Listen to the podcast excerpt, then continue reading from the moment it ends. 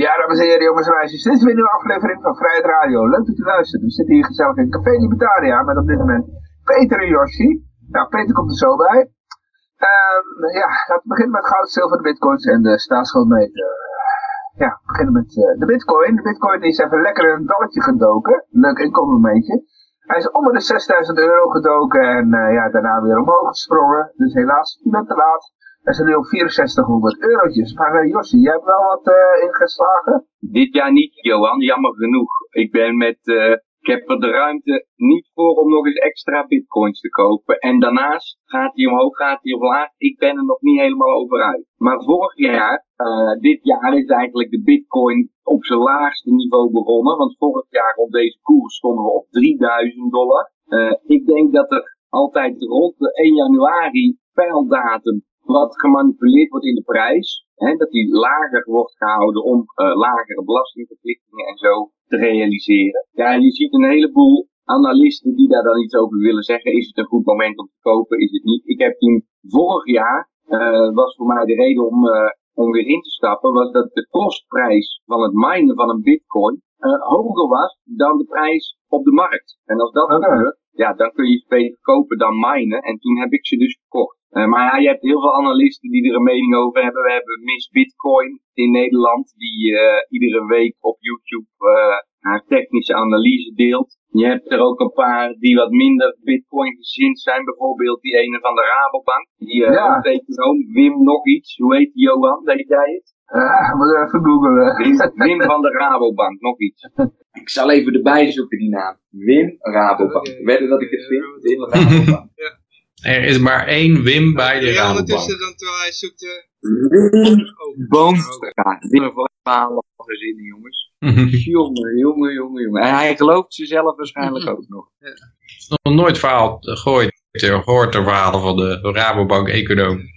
Ik zou daar wel eens een keer een... Uh... Straatje mee willen opzetten. Een kopje koffie mee willen drinken of zo. Dat ik zeg, aan Wim, hoe kan je daar nou nog in geloven, man? Wat is dat allemaal achterhaald? Die bullshit die jij met je Rabobank door onze strot proppert. Nou word ik wel heel nieuwsgierig, moet, je zeggen, moet ik zeggen. Wat dat... Hij zegt gewoon de, de grootste ongelofelijke kwats is het. Echt gewoon hmm. allemaal troep. En die vent die zit daar als de hoogste pief van de Rabobank iedereen te vertellen hoe dat economie werkt. En daar klopt gewoon geen klote van. Helemaal niks. Want de bitcoin... Dan word ik alleen maar nog, nog nieuwsgieriger. Je zegt nou bijvoorbeeld over bitcoin. Wim Boomstra, dan ga ik er nou Wim Rabobank bitcoin achter zetten. Gewoon kijken wat er bovenop komt drijven. Oh, Libra komt er naar boven drijven. Allemaal uh, nee, hij, hij zegt dan dingen als bitcoin heeft geen waarde. Ja. En waarom niet? Omdat, een dus prijs. Geen, omdat er geen monopolie op geweld achter zit. Daarom Oh. heeft het geen waarde. Omdat je mensen niet kan dwingen om hun energie eraan te geven. En als ik dan op mijn beurt zeg, ik geef vrijwillig mijn energie aan de bitcoin, dan zegt Wim Boomstra met zijn woorden dat mijn leven niks waard is. En dan moet hij gewoon blijven doen, maar zijn pensioenfonds heeft een probleem als ik er niet op inleg. Dus uh, Wim, succes de komende jaren, laat iedereen er maar lekker inlopen, dan spaar ik lekker i-guldens met duct tape aan de muur. 100.000 dollar per i-gulden binnenkomt.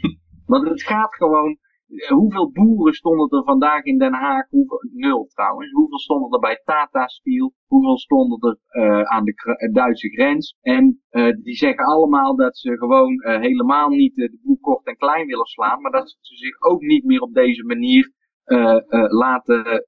kort en klein willen laten slaan. Nou, laten vernederen is het gewoon. Van jij bent een slecht mens. Ja, maar je wordt alleen maar vernederd, omdat als je, als je je niet zou laten vernederen, dan begin je te slaan. Ik bedoel, als, je, als zij gewoon hun werk zouden blijven doen zonder zich aan die regels te houden, dan komt er uiteindelijk een, uh, een militaire lui langs die ze in elkaar slaan natuurlijk. Ook dat nog. Maar ja, goed. Uh, uh, ja, ja, ja, ja, ja, heb je gelijk in, maar dat ging het mij niet om. Het was meer dat er dus, specifiek op die boeren, wordt er dus ondanks hun manier van leven die ze natuurlijk gewoon zijn gewoon mensen. Hè? En, en, en die, ja, ze, bijvoorbeeld ze, ze slachten niet al die varkens zelf. Dus daardoor voelen ze zich in ieder geval niet als een uh, massamoordenaar die uh, genocide pleegt. Maar uh, die mensen hebben gewoon een bedrijf en die willen dat goed doen. Snap je? En, en die vinden dat dierenwelzijn ook belangrijk. Maar tegelijkertijd moeten er wel over heel de wereld uh, plakken achterham geleverd worden. En, en, maar dierenwelzijn is momenteel niet meer het probleem, toch? Het is nou stikstof en uh, PFAS en uh, ja, al dat soort... Precies, dus dan worden, zij doen hun best in dat dierenwelzijn. En met die uitstoot overigens net zo goed. Maar een poe moet gewoon poepen als die eet. Net als ons, hmm. snap je? Dus je kan moeilijk die, je bent iets aan het produceren en dat geeft ook afval. Nou, ik denk dat de mens toe, in de toekomst ook misschien wel poepcredits moet kopen bijvoorbeeld dan. Ja, onze, onze stikstofuitstoot. Ik heb het altijd het idee dat dieren, het behandeling van dieren gaat vooraf aan de behandeling van mensen. Dus toen, toen ik eenmaal die koeien vroeger in die wei zag met van die gele labels in hun oren, toen had ik wel het idee van, die, die labels die krijgen wij later ook nog een keer. En eigenlijk, eigenlijk ja, hebben wij dat in de vorm van een mobiele telefoon dan, die, uh, die wij zelf meedragen.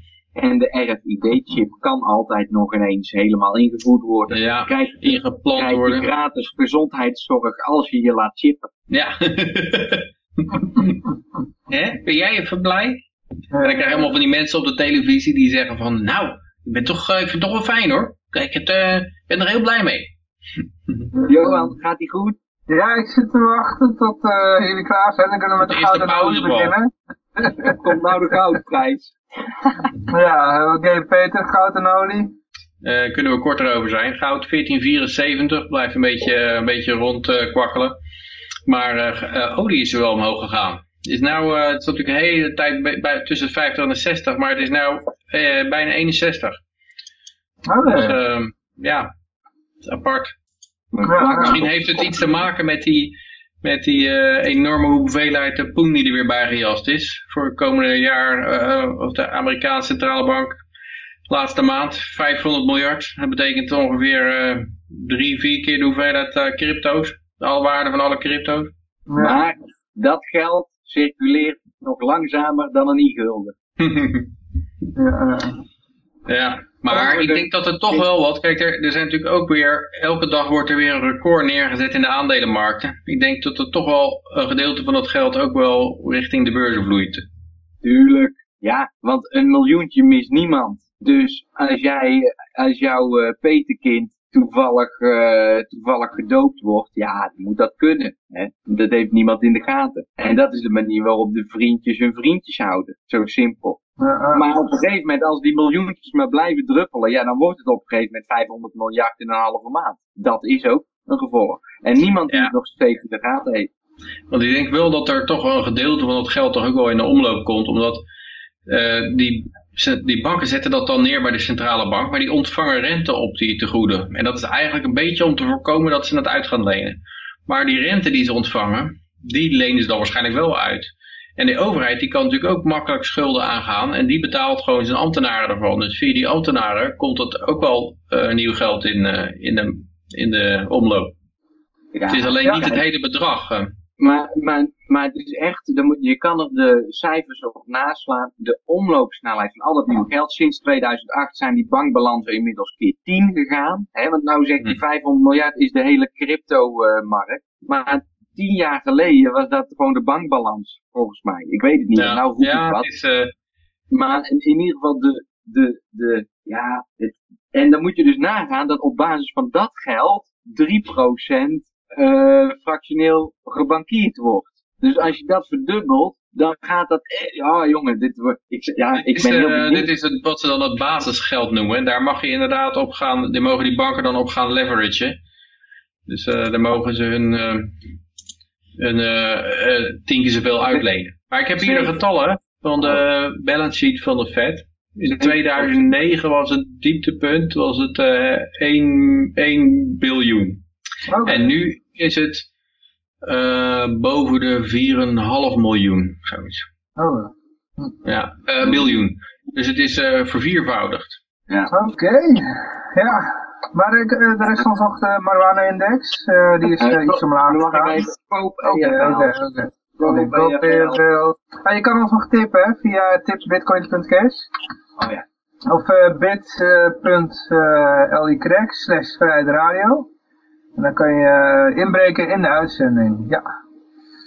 Ehm, goed, ja. We hadden nog de marijuana-index. Die is uh, iets omhoog gegaan deze week en weer gezakt. Die staat nu uh, drie punten lager dan vorige week. Namelijk op 110,50. Ja. Dus Mag ik nog één dingetje tussendoor, Johan? Zou ik nog iets leuks vertellen? Een klein nieuwtje van mezelf? Oké, oké, vertel, vertel. Ik heb, ik heb voor het eerst in vijf jaar een baan. Wat denk je? Wow, ja. Het, is nog een beetje, het is nog een beetje uh, wennen aan de titel. Uh, ik, Het voelt ook niet echt aan een baan, als een baan, omdat ik eigenlijk ook niet... Uh, nou ja, nou goed, we gaan zien hoe het loopt. Ik zal vertellen wat het is. Dat vind ik namelijk wel leuk. Ik ga ook streamen, Johan. Oké. Ja. Er is een bedrijf, dat is van een Nederlander. Die heb jij ooit geïnterviewd, Najim Willems. Ja, Altilly.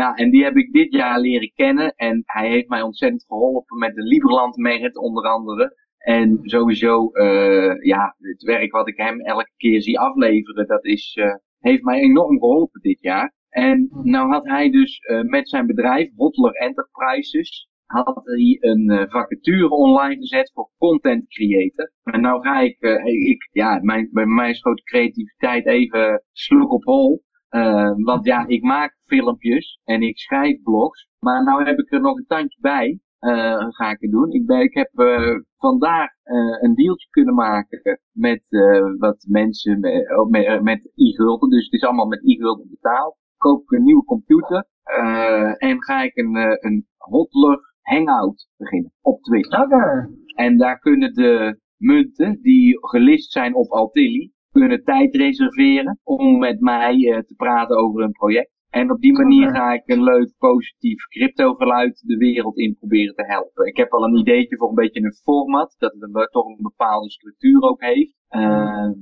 ja, en dat, uh, dat zie ik al zitten voor het nieuwe jaar. Dus dat zijn mijn plannen. En uh, ja, misschien dat ik dus binnenkort in plaats van een e-gulden vlag heb ik een Q-Reddit shirt aan. We zullen zien hoe het loopt. Nee, nee, nee, valt wel mee. Maar het is een leuk bedrijf en ik zie er allemaal goede dingen gebeuren. Uh, ja, het probleem is, wie gaat tegenwoordig nog een, uh, op een beurs handelen buiten de bekende top 10? Snap je? Want hoeveel beurzen zijn er al failliet gegaan en gehackt? Dus het vertrouwen winnen van handelaren is ontzettend lastig. En uh, nou ja, als ik met Jim daarmee kan helpen, dan uh, doe ik dat graag. Want hij helpt mij bijvoorbeeld met liberland.info. Binnenkort krijgen we onze infomerit blockchain, die gaat live. Daar kunnen mensen nog steeds delegate worden van mij.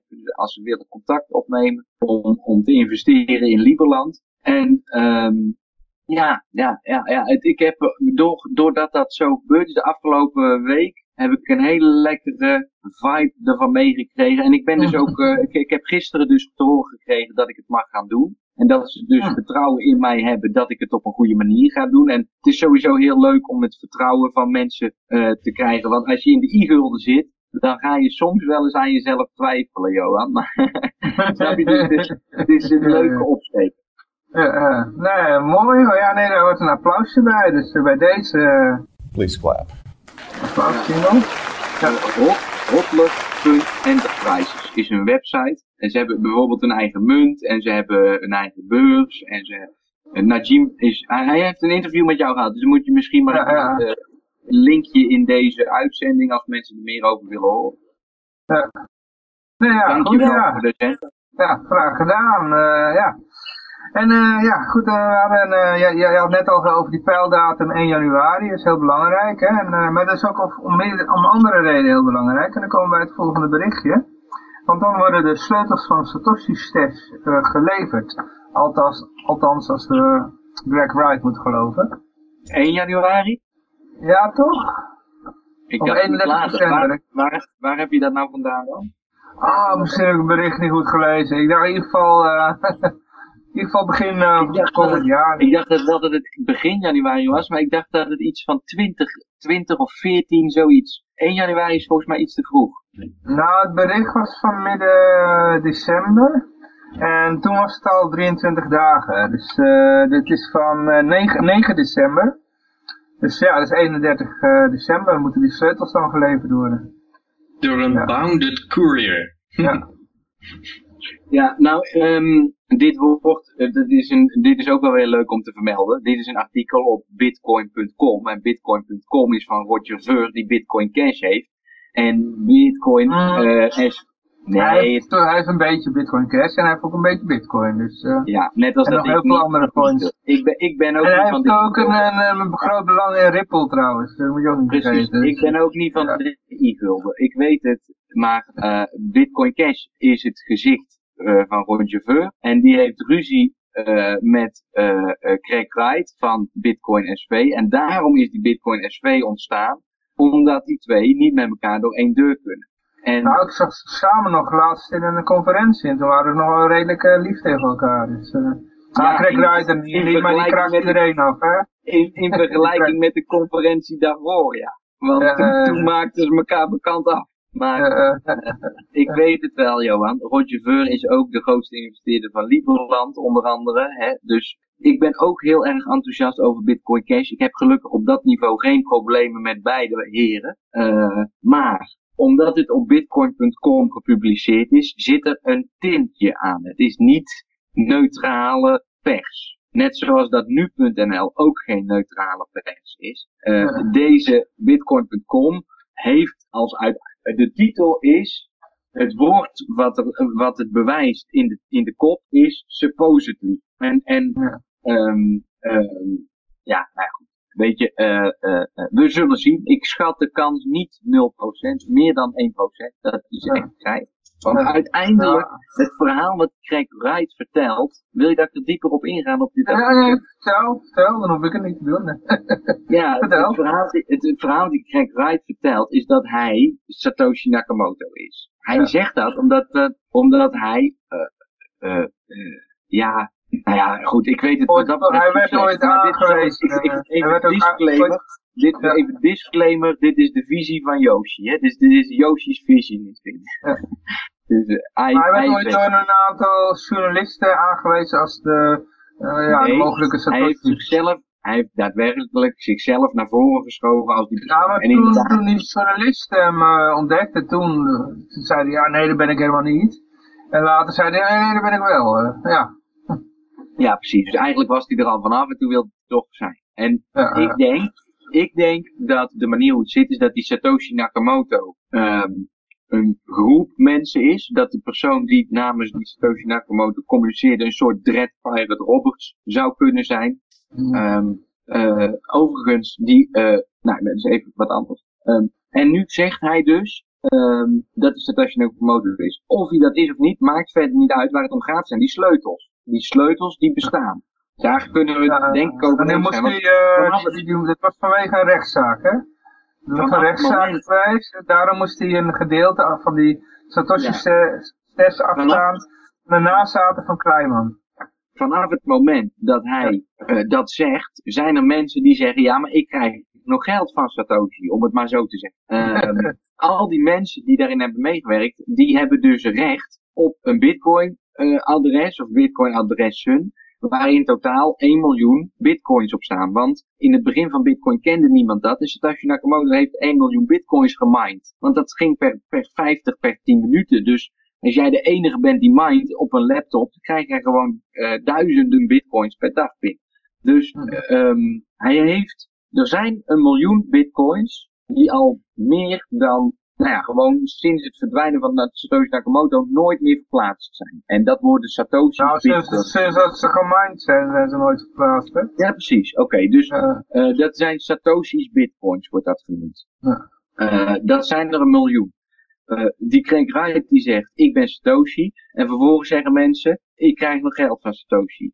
De manier waarop dat die munten eh, eh, misschien wel versleuteld zijn, is met een multisig wallet. Of tenminste, dat kun je eigenlijk al na, maar goed. De, de, Maar dan kan je toch zien op de blockchain of dat het geval is? eh, ja, eh, maar dat is als je een als eh, multisig in de blockchain zet. Eh, je kan ook een paper wallet die gewoon Ja, normale- iedereen heeft een paar woorden. Ja, precies. En, en dan zie je het niet in de blockchain, maar dan is het wel een multisig wallet. Snap je? Als jij een Ja. multisig transactie, een multisig wallet in Bitcoin hebt, dan begint je adres met een 3 en niet met een 1. En dat betekent. is eh, hoe dat eh, met de belasting gaat. Als je, als je 24 woorden keys hebt en, en je hebt drie mensen die hebben acht keys. Oh, volgens mij zou je er als volgt mee om moeten gaan. Dat zolang dat jij niet eh, bij die sleutels kan, is het, heb je er ook niks aan, is het waarde nul. Alleen dat Hm. briefje met jouw sleutels is niks waard. Maar als je die Ja. sleutels bij elkaar brengt en je gaat die munten bewegen, dan heb je recht op jouw deel. Nou goed, dus is er een, Ik zie een mogelijkheid hier. eh. ja, er is een uitspraak gekomen van een rechter en die heeft gezegd, ja, deze meneer zegt niet alleen dat hij de sleutels heeft, maar heeft hier ook zijn deel van die multisig.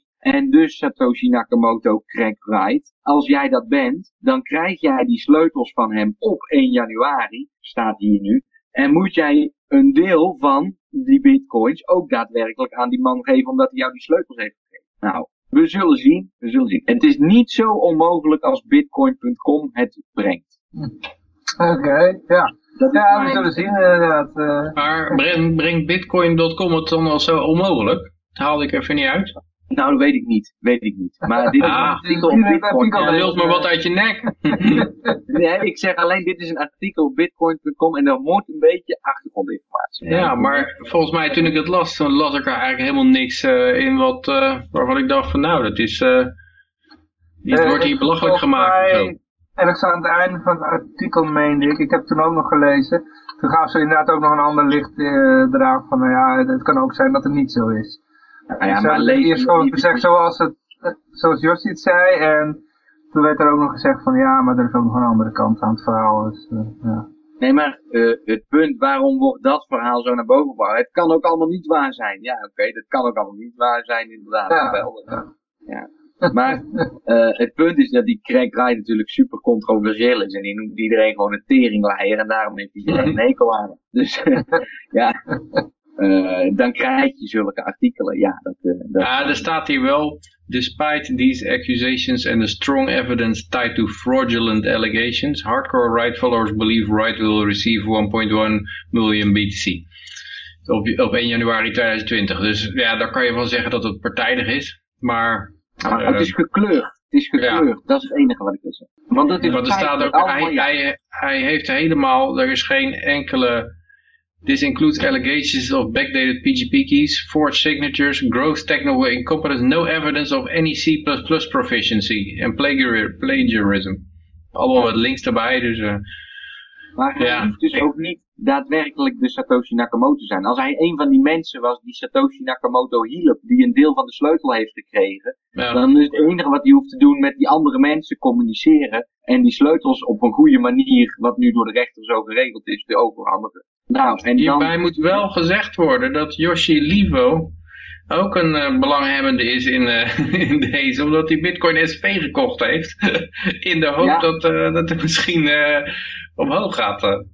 Ja, zeker. Nee, maar ik heb inderdaad, ik heb er, nou, ik heb er meer dan één in ieder geval. Dus ja, ik, ik, ik ga ze ook niet ineens verkopen als hij het niet zou zijn. Ehm, want ook hij heeft gewoon een visie op eh, hoe een bitcoin beter zou kunnen functioneren dan dat hij vandaag functioneert. Hm. En eh, Maar ik denk dat als goed. 1 januari, als er geen bounded, courier opduikt met sleutels, dan denk ik dat de geloofwaardigheid van Greg White wel een enorme deuk krijgt. Nee, nee. Want die, die, die, die sleutels, die komen niet van Craig Wright. Die komen van een Belg.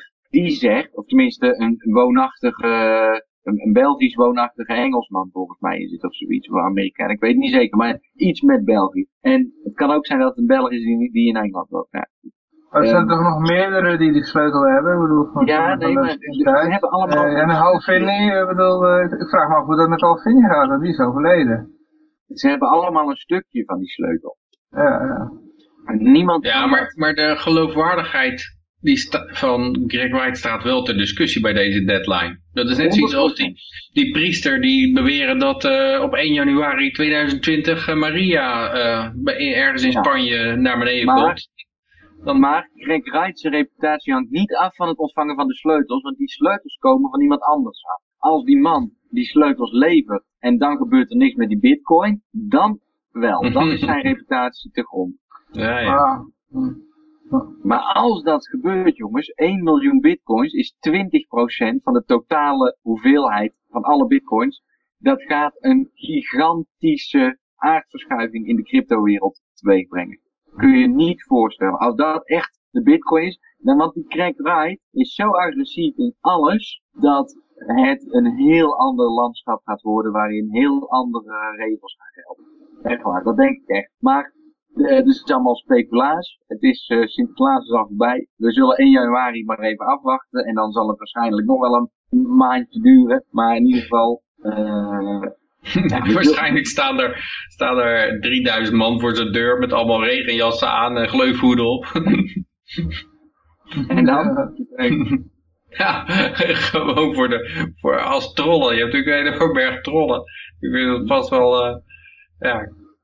Maar ja, als die het dus wel is, dan, uh, nou ja, we will see. Of als die het wel is, ik, kijk, als die die munten verplaatst, dan is hij dus nog steeds niet Satoshi Nakamoto. Dat moet erbij gezet worden. Hij is niet Satoshi Nakamoto, want Satoshi Nakamoto is een verzonnen pseudoniem. En wie daarachter zat, uh, dat is niet bewezen met het bewe met bewegen van deze munt. Laat het maar zo Ja, Maar dat maakt ook niet zoveel uit, maar het maakt wel uit dat eh, waarschijnlijk is het niet eens 20%, maar nog veel meer. Want er zijn een heleboel bitcoins kwijtgeraakt van mensen.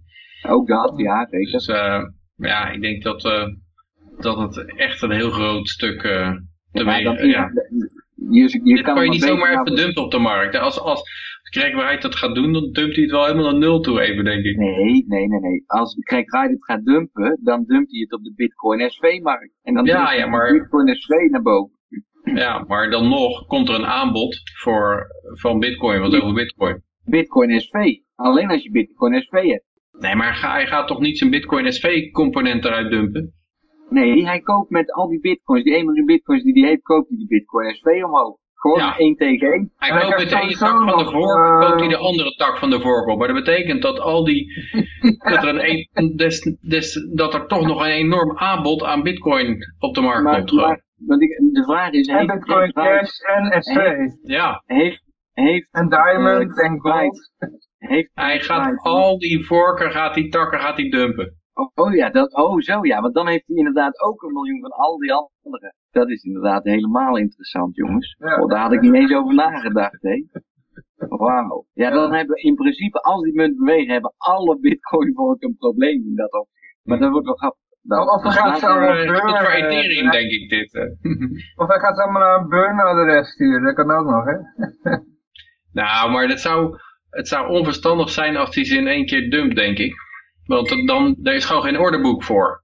Nee, maar zou hij nu eh, ineens eh, behoefte hebben om een miljard dollar op zijn bankrekening te zetten? Nee, ook niet. Nee. Ik denk dat hij veel meer behoefte heeft om die Bitcoin SV van hem boven een Bitcoinprijs te laten staan. Ja, maar daarvoor moet hij ze wel dumpen. Misschien dumpt hij ze alleen om ze omlaag te krijgen, die andere. Hij dumpt zijn Bitcoin voor Bitcoin Cash. Hij heeft, dan, hij heeft toch nog veel meer Bitcoin Cash? Of eh, sorry, niet eh, Bitcoin SV, zeg ik verkeerd. BSV. Zijn eigen BSV. Ja, maar dat maakt niet uit dat hij het tegen die andere dumpt. Hij dumpt het gewoon. Er komt een aanbod beschikbaar. Want zoveel Bitcoin SV is er niet om dat allemaal op te kopen. Nee, dus gaat de prijs van een Bitcoin SV naar 1 Bitcoin per Bitcoin SV. Ja, maar dan denk ik dat, er, dat de prijs van Bitcoin in euro's ook heel erg hard omlaag gaat. Waarom? Maar dan moet je wel Bitcoin SV hebben om te kunnen verkopen. Eh, zullen- ja, als het, al, als het alleen dumpt. Maar ik denk dat hij, als hij een beetje hekel heeft aan, eh, aan Roger Ver bijvoorbeeld, dat hij ook zijn Bitcoin Cash wel tegen euro's en dollars dumpt. Tuurlijk, ja, zeker, ja. En dat zal, als jij ineens over een miljard beschikt, tuurlijk pak je dan minimaal 100 miljoen eruit. En dan gaat een Hmm. gigantische klapper naar beneden veroorzaken. Maar, ja, We zullen zien. We hebben nog meer berichten. Dus, eh. Ik denk dat er ergens nog wel iets eh, aan ontbreekt aan deze sleutel. eh. ja, ja, ja. ik denk dat er niks gaat betreft- gebeuren. wat dat betreft, zitten we er al dicht op. ja. Hm. Nog een paar nachtjes slaap, mensen. Goed, nee, dan gaan we naar de, ja, dan gaan we even naar Snel, want die is eindelijk, laat ik het even netjes zeggen, is, die heeft moeten opstappen. Staatssecretaris Snel. Ja, van de belasting, hè. Ja, ja, wat een ik, baan. Zo eh, ja, frappant vond. Dat de media die schrijven met enorm eh, gevoel van empathie voor deze meneer. Zag ik in het AD staan, stond er bijvoorbeeld van gezocht. Iemand die wer- werkweken van 80 plus uren maakt en gegarandeerde kop van jut is. Dat, zo wordt ge- gezien, de, alsof je ja, een, een enorm slachtoffer bent. En dat ik vind ik altijd wel jammer als de, als de media schrijven uit het oogpunt van de heersers en niet vanuit het oogpunt van de belastingslaven. Nou, in ieder geval dit artikel wordt ook nog wel even, dit is van, van de NOS, wordt ook nog even stilgestaan bij het leed uh, wat de Belastingdienst aangedaan heeft voor sommige mensen. En uh, er komt uit een soort beeld naar boven van ja, dat eigenlijk een stelletje psychopaten zijn die daar werken. Weet je wel? Die grappen maken over een slachtoffer. En die dan, ja, dat, is dat niet een beeld dat wij naar boven krijgen, maar dat is niet het beeld dat de gemiddelde lezer waarschijnlijk naar boven krijgt. Ja, ja. Dus hij, het, hij, het, hij had het imago van een technocraat. Nou ja, dat is niet zo ja, dat is niet zo negatief. Dat is gewoon van iemand die, uh, ja, een, een meer een cijferneuker of zoiets. Maar... Ja, maar als je het zo doorleest, dan zie je wel van uh, dat hij totaal, ja... Hij, staat, hier heeft een indrukwekkende carrière. Maar in Den Haag was hij een grote onbekende. Maar ja, de indrukwekkende carrière, dat is allemaal positief weer zo. Ja, ja wat is er nog te aanheffen?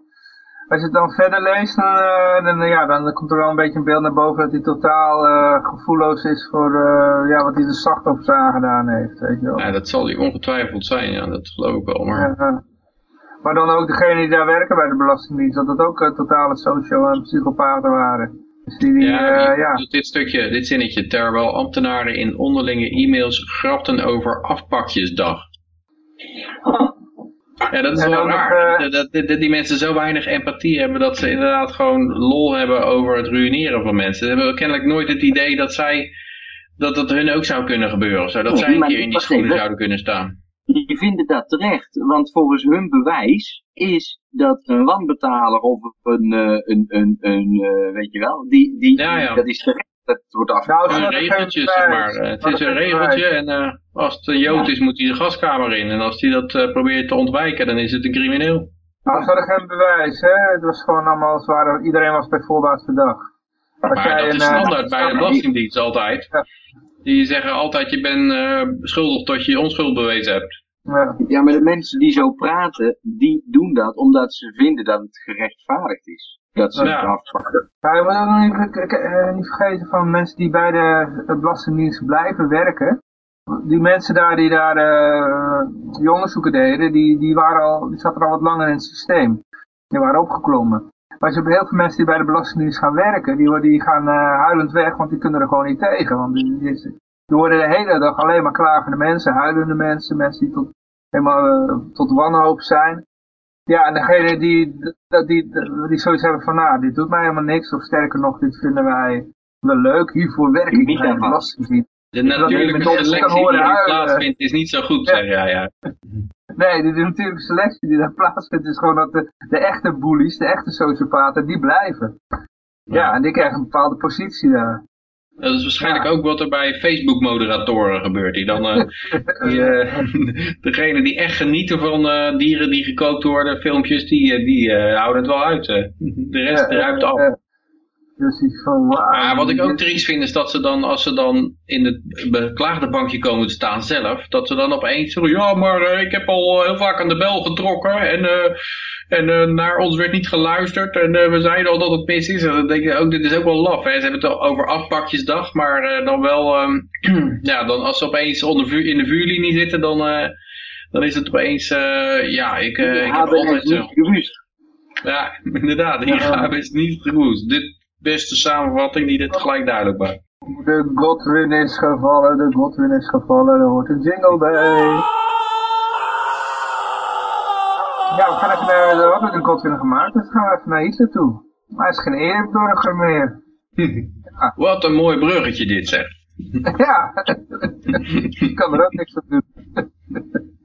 En is ook, ook vaker ter discussie geweest, maar hier, dit, dit is wel heel uh, prachtig, want hier zie je wat voor mierenneukers die ambtenaren zijn. Dat ze vaak dus niet eens doorhebben wat, wat hoe ze hun eigen regels moeten interpreteren. Nou, in ieder geval, uh, Hitler is in uh, 1932 ereburger geworden van een of andere plaatsje in Oostenrijk. Doet er verder niet toe hoe dat plaatsje heet. Maar... Wolfsberg. Wolfsberg. Nou, nee, dat plaatsje is opgestort door Wolfsberg. Uh, het hoorde was eerst een andere gemeente, maar die is inge ja. ingelijfd bij Wolfsberg. Rijsberg. ja. ja. Die, ja. Alleen ze, ze dachten, het is vaker ter discussie gekomen, van eh moeten we hem even niet de ereburger afmaken. Maar ja, eh, ze dachten van, nou ja, als hij dood is, dan is hij al ereburger af. Maar ja, dan kwam het na een tijdje weer ter discussie van, eh moeten we het ook niet zelf even met het hamertje slaan of zo, weet je wel. Nou, ik kan me voorstellen hoe de, hoe de gevoelens daar werkten. Want ze dachten natuurlijk, op het moment dat wij dat doen, dan is er gelijk aandacht voor. Dat willen we eigenlijk liever niet. Ja, dat, dat kunnen zijn, ja. Nou Ja, goed. Leuk om te weten er dat zijn geen ook overal eh, sta- st- standbeelden van Stalin. En eh, dat is allemaal nog geen probleem. En Che Guevara en al dat soort figuren. Ja, mensen lopen zelf een t-shirt van hem. Ja. Ja. Waarom, trekken de, waarom zie je nooit mensen met Pol Pot lopen? Dat vraag ik me dan af. Met wie? Pol Pot. Oh, Pol Ja. Ja. Nee, die zie je eigenlijk inderdaad eh, heel weinig. van. Heb je wel mensen gezien dan? Dat je Maar ik zou hem ook niet herkennen, moet ik zeggen. Ik weet niet hoe die eruit ziet, Pol Pot. Ja, Ja, Hitler kennen, herkennen ze het wel. Dat wel. ja, ja. Het valt me wel altijd op dat veel van de socialisten hebben altijd een snor, hè? maar goed, eh, ja, we gaan even nog verder naar de berichten. Even kijken waar ik ook alweer was gebleven, eh, hier ook. Ja, we gaan naar de, de 30-urige werkweek, de nieuwe norm. Het voorstel van de CNV. We werken te veel. Ah, ja, dat is weer je zo. beginnen. Yoshi, je werkt te veel. Zeg ik nou heeft ook gelijk een baan genomen. Hoeveel uren is jouw baan, eh Yoshi? Nou, dat is gewoon een, het is een lifestyle, hè. nou ja, ik denk toch wel dat ik dat eh, een paar keer in de week moet gaan doen. Hm. Ja, ik eh, vond het nogal vreemd dat de FNV denkt gewoon van, "Oh, weet je wat, wij moeten gewoon lobbyen en we moeten gewoon een beetje strijd voeren. En eh, ja, als we maar gewoon flink de druk op de ketel houden. En dit is typisch de FNV. Of, of ja, Eh, alles zo- CNV. of eh, de eh, vakbonden, dat ze denken dat je, ja, dat je gewoon eh, kortere werkweek eh, kan krijgen. Oh, hier staat hij. eh, door eh, flink strijd te voeren. En dan, kan je ook zeggen, ja, waarom niet gewoon 10 uur, joh? Waarom gewoon, eh, waarom eh, hou je het bij 30 uur? De 10 uur is toch nog fijner. Maar ehm, ja, het is ook dat ze helemaal geen idee hebben dat dat negatieve gevolgen zou kunnen hebben voor bijvoorbeeld de concurrentiepositie. Want eh, als je dat afdwingt, ja, dat, eh, ja, het is, het is niet, je kan niet de co- economie vooruit helpen door continu werkgevers onder druk te zetten om een kortere werkweek of een hoger salaris te hebben. En ja, zo komen we langzamerhand vooruit. Nee, zo, eh, zo raak je langzamerhand je, je positie kwijt in de wereld. Want dan blijkt opeens dat alles wat je importeert is veel goedkoper. Uit China bijvoorbeeld. En dat is ook een van die redenen waarom dat er niet zoveel inflatie eh, optreedt. Er was in, nog in dat dingetje Ja. van eh, Gerald Celenti deze week. Er stond een leuk artikel op biflatie.nl. Zo, eh, maar goed. Ja. Ja, nou dat is waar inderdaad. Dat, eh, ze kunnen een heleboel geld drukken. En zolang die Chinezen maar denken, nou wij, wij, eh, wij, wat zijn wij eh, een geluksvogels dat we heel Europa en Amerika allemaal telefoons mogen leveren en allemaal eh, consumptiegoederen. Ja, dan verza- verzamelen ze een heleboel dollars en euro's waar ze eigenlijk mee blijven zitten aan het eind. En ja, en ondertussen ben je je hele economie kwijt. Want ik heb wel eens begrepen dat ze in China tien ingenieurs opleiden voor elke advocaat. En in Amerika tien advocaten voor elke ingenieur. Dus ja, op een gegeven moment gaat dat natuurlijk wel... eh, Het is natuurlijk toch allemaal secundair. Dat je een beetje strijd gaat lopen voeren in rechtbanken over, over ja, een claim. Of daar, daar schiet de samenleving eigenlijk niks mee op. Het plaatje hebben ze natuurlijk zo'n standaard arbeider die met een hamer een, een, een tegel in de straat staat te timmeren. Maar het moet, ze vinden dat het een nieuwe norm moet worden. En het is ook wel, de Oostenrijkers, eh, Oostenrijkse school die denken daar ook wel anders over. Want er wordt wel eens gezegd van nou, ik weet nog wel dat, dat Molyneux dat een keer zei geloof ik, over Canada. Toen zei de Canadese premier die zei, universal healthcare is a Canadian value. En toen zei hij zei van nee, dat is geen Canadian value, want anders zou er geen dwang nodig zijn om het af te dwingen. Dat betekent juist dat het geen Canadian value is. En dat geldt eigenlijk ook voor bijvoorbeeld dat ze in Frankrijk heel veel vakantiedagen hebben. Dat wordt dan afgedwongen door de overheid. En zeggen ze, ja, die Fransen zijn zo lui. Nee, die Fransen zijn enorme harde werkers kennelijk, want eh, ze moeten gedwongen worden om zoveel vakantiedagen te nemen. Zo kan je dat allemaal, eh, allemaal omdraaien eigenlijk. Ja, in Nederland hebben we dan die, die 40-urige werkweek. Dat is ooit als een tijdelijke maatregel in 1980 ingevoerd. En daar zitten we nu nog steeds mee. Dat houdt dus in dat als je boven de 40 uur gaat werken, dan word je zwaarder belast. Het is zelfs zo dat als je ergens tussen de 40 en 50 uur uh, gewerkt hebt, krijg je net zoveel als uh, 38 uur of zoiets. Dat, ja, maar dan verwachten ze dus eigenlijk dat als ze mensen vrijlaten, dat ze dan kiezen voor een, het hoogste salaris met een zeven dagen werk, werkweek of zoiets. Uh, dat is helemaal niet het geval volgens mij. Het is gewoon, als jij goed kan leven van je salaris, dan wil je vanzelf wel wat minder gaan werken. Ja. ja. Het was uh, Job de Nijl die uh, de, dat, dat ideetje toen, de, de ballonnetje toen opliep. Liep ergens eind jaren 70 geloof ik. Het zei, toen, of rond 1980 was er ook zo'n recessie geloof ik. En ja, had je ATV-dagen, toch? Arbeidstijdverkorting. Dan kreeg ja, je, ja, ja. Wat er dan gebeurde, is dan moest je maar 38 uur werken in de week in plaats van 40. En dan de, wat er dan in de praktijk gebeurde, dus dat die twee dagen, twee uur per week, die werden dan allemaal opgespaard. En dan kreeg je gewoon een extra vakantiedag voor en je bleef gewoon 40 uur in de week werken. Dus dat was eigenlijk het gevolg hiervan. Ja, ja oh, allemaal dagen uitbetaald. Je werd ook nog zwaarder belast als je boven die 40 uur ging, hè? Dus, uh, nou, dat was, uh, Job de die zei toen van, ja, want het, moet, e-, het werk moet eerlijk verdeeld worden. Je hebt mensen die, die maar uh, eh, 20 uur werken en die zouden 40 uur willen werken. En dat kunnen ze niet, want je mensen hebt die 60 uur werken. En dat is allemaal eerlijk. Er moet gelijk getrokken worden. Maar er zijn mensen die gewoon 20 uur werken omdat het gewoon niets nutten zijn. Bij een vakbond, weet je wel. En er zijn mensen die gewoon keihard heel veel uren krijgen omdat ze gewoon goed presteren, weet je wel. En ze willen dat graag, weet je wel. Als je die 60 uur werkers gewoon maar vastbindt op een stoel met van die leren riemen, dan gaan die mensen die 20 uur werken, die gaan zelf 40 uur werken. Ja, uh, maar goed, dat is daarna gekaapt door de CDA. Het was ooit een, een, een ideetje. Het kwam van, kwam van Joop den L. Dus toen door de, de jaren 80 hebben de, de CDA heeft geloof ik weer wat uitgebouwd en zo. En het is daarna nooit meer afgeschaft. Het was een tijdelijke maatregel, net als het kwartje van Kok, weet je wel. Ja, zoveel van die dingen. Er is niks zo permanent als een tijdelijke maatregel van de overheid. Ja, ja, ja.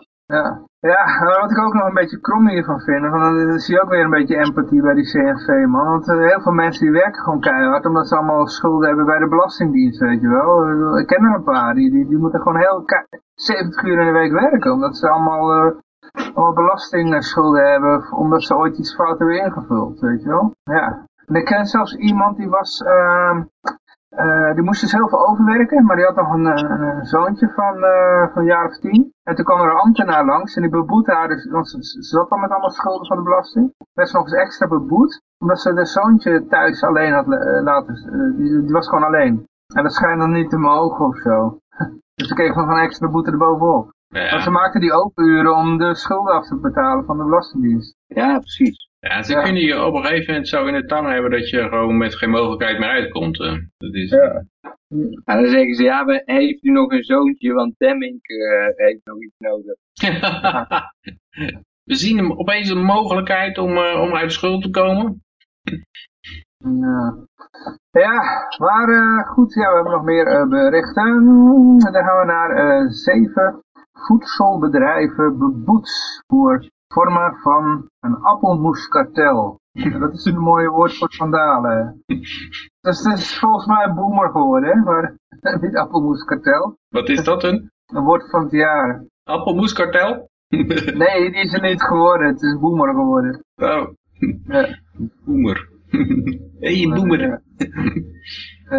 Ja, dit is echt belachelijk. Dat is de autoriteit Consument en Markt. En die heeft in samenwerking met de Franse mededingingsautoriteiten de zeven voedingsbedrijven boet voor concurrentievervalsende afspraken bij de verkoop van appelmoes. Dat meldde de ACM woensdag. In totaal werden boetes uitgedeeld van 58,3 miljoen euro.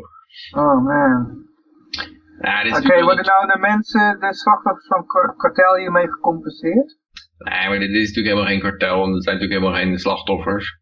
Mm. Dus, uh, maar uh, oh, er was een Nederlands bedrijf, Coros, bij betrokken. En Coros is vrijgesteld van de boete omdat het bedrijf het kartel onthulde aan de Franse marktautoriteit. Nou, hé, hey, mm. ben je blij mee? Nederlanders, de NSB'ers weer van de...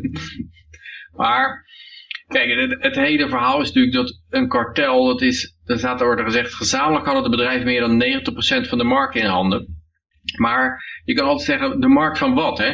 Want die markt is nooit te definiëren. Je kan bijvoorbeeld bij, uh, zeggen, bij, uh, heb je Coca-Cola heeft 90% van de markt van cola's in handen of zo.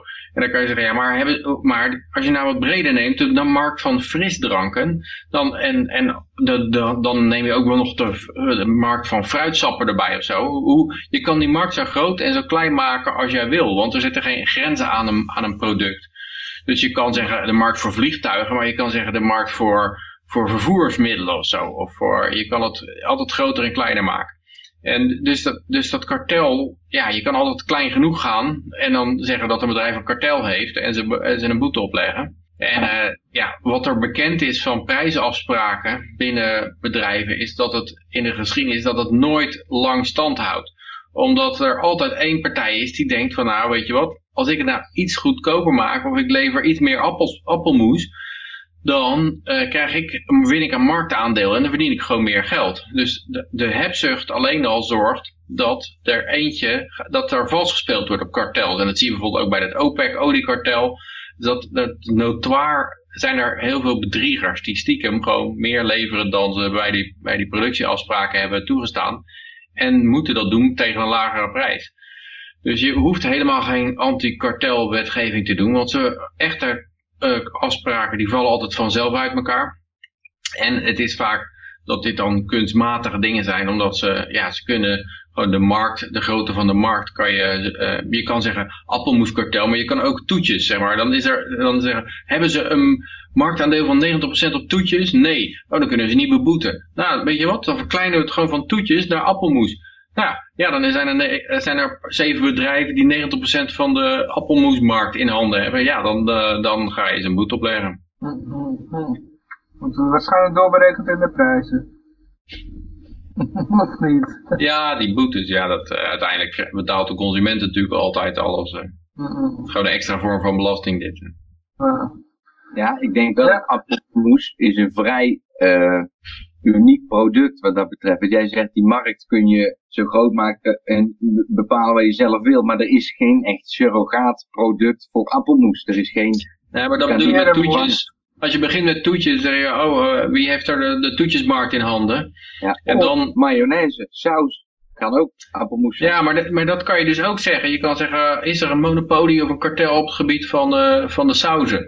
Uh, nee. Ah, ja, maar dan, dan gaan we alleen naar de mayonaises kijken. Maar als je alleen naar de mayonaises kijkt, eh, dan kan je alleen naar de light mayonaises kijken. En op een gegeven moment heb je wel een kwartel te pakken. Nee, maar ik breng het op omdat uh, het lijkt mij vrij moeilijk om in een markt als die van appelmoes, uh, als nieuwkomer, je te vestigen. Want ten eerste moet je dus opboksen tegen een hele lage kostprijs. Want het is allemaal super, super efficiënt. Weet je wel, die bedrijven die drukken zo een miljoen pakjes in een minuut. Nou ja, hè, bij wijze van spreken. Maar... Dan maak je het toch een ander soort Maar als je, als je al zegt, ze hebben een hele lage kostprijs waar je tegenop moet boksen, dan, dan, heb je, dan heeft de consument toch geen probleem meer, denk ik.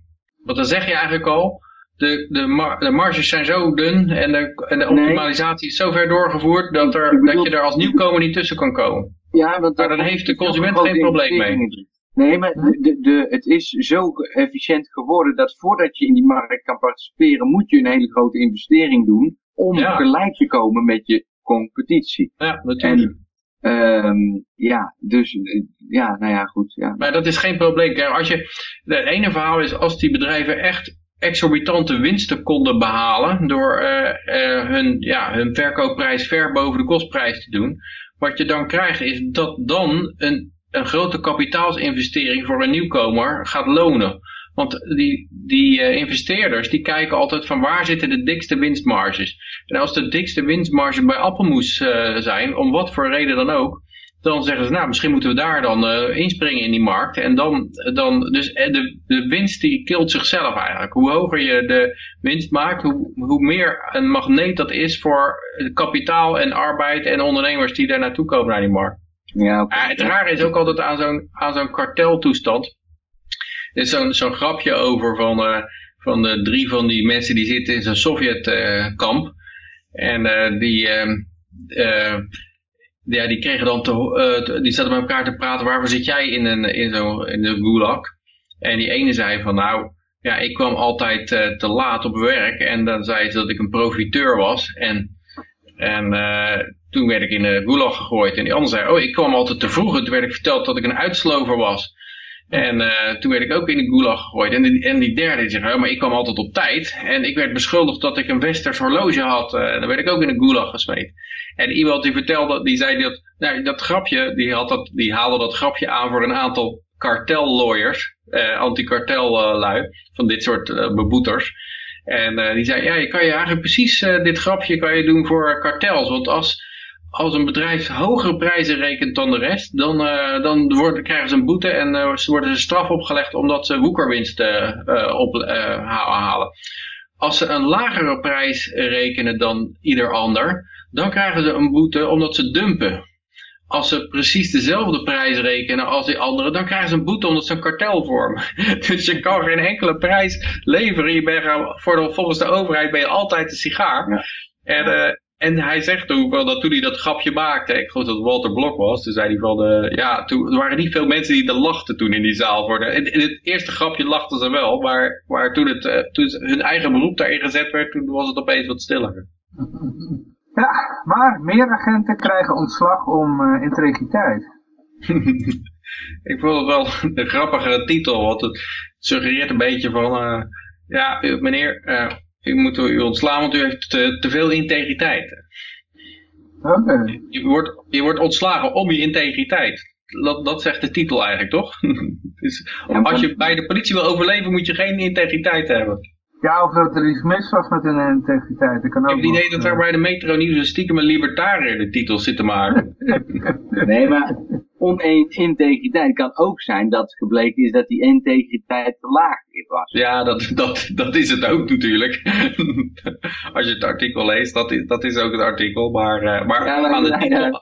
waarom ben jij daar baan verloren? Ja, ik was te integer. Ja, ja, ja. ja, ja.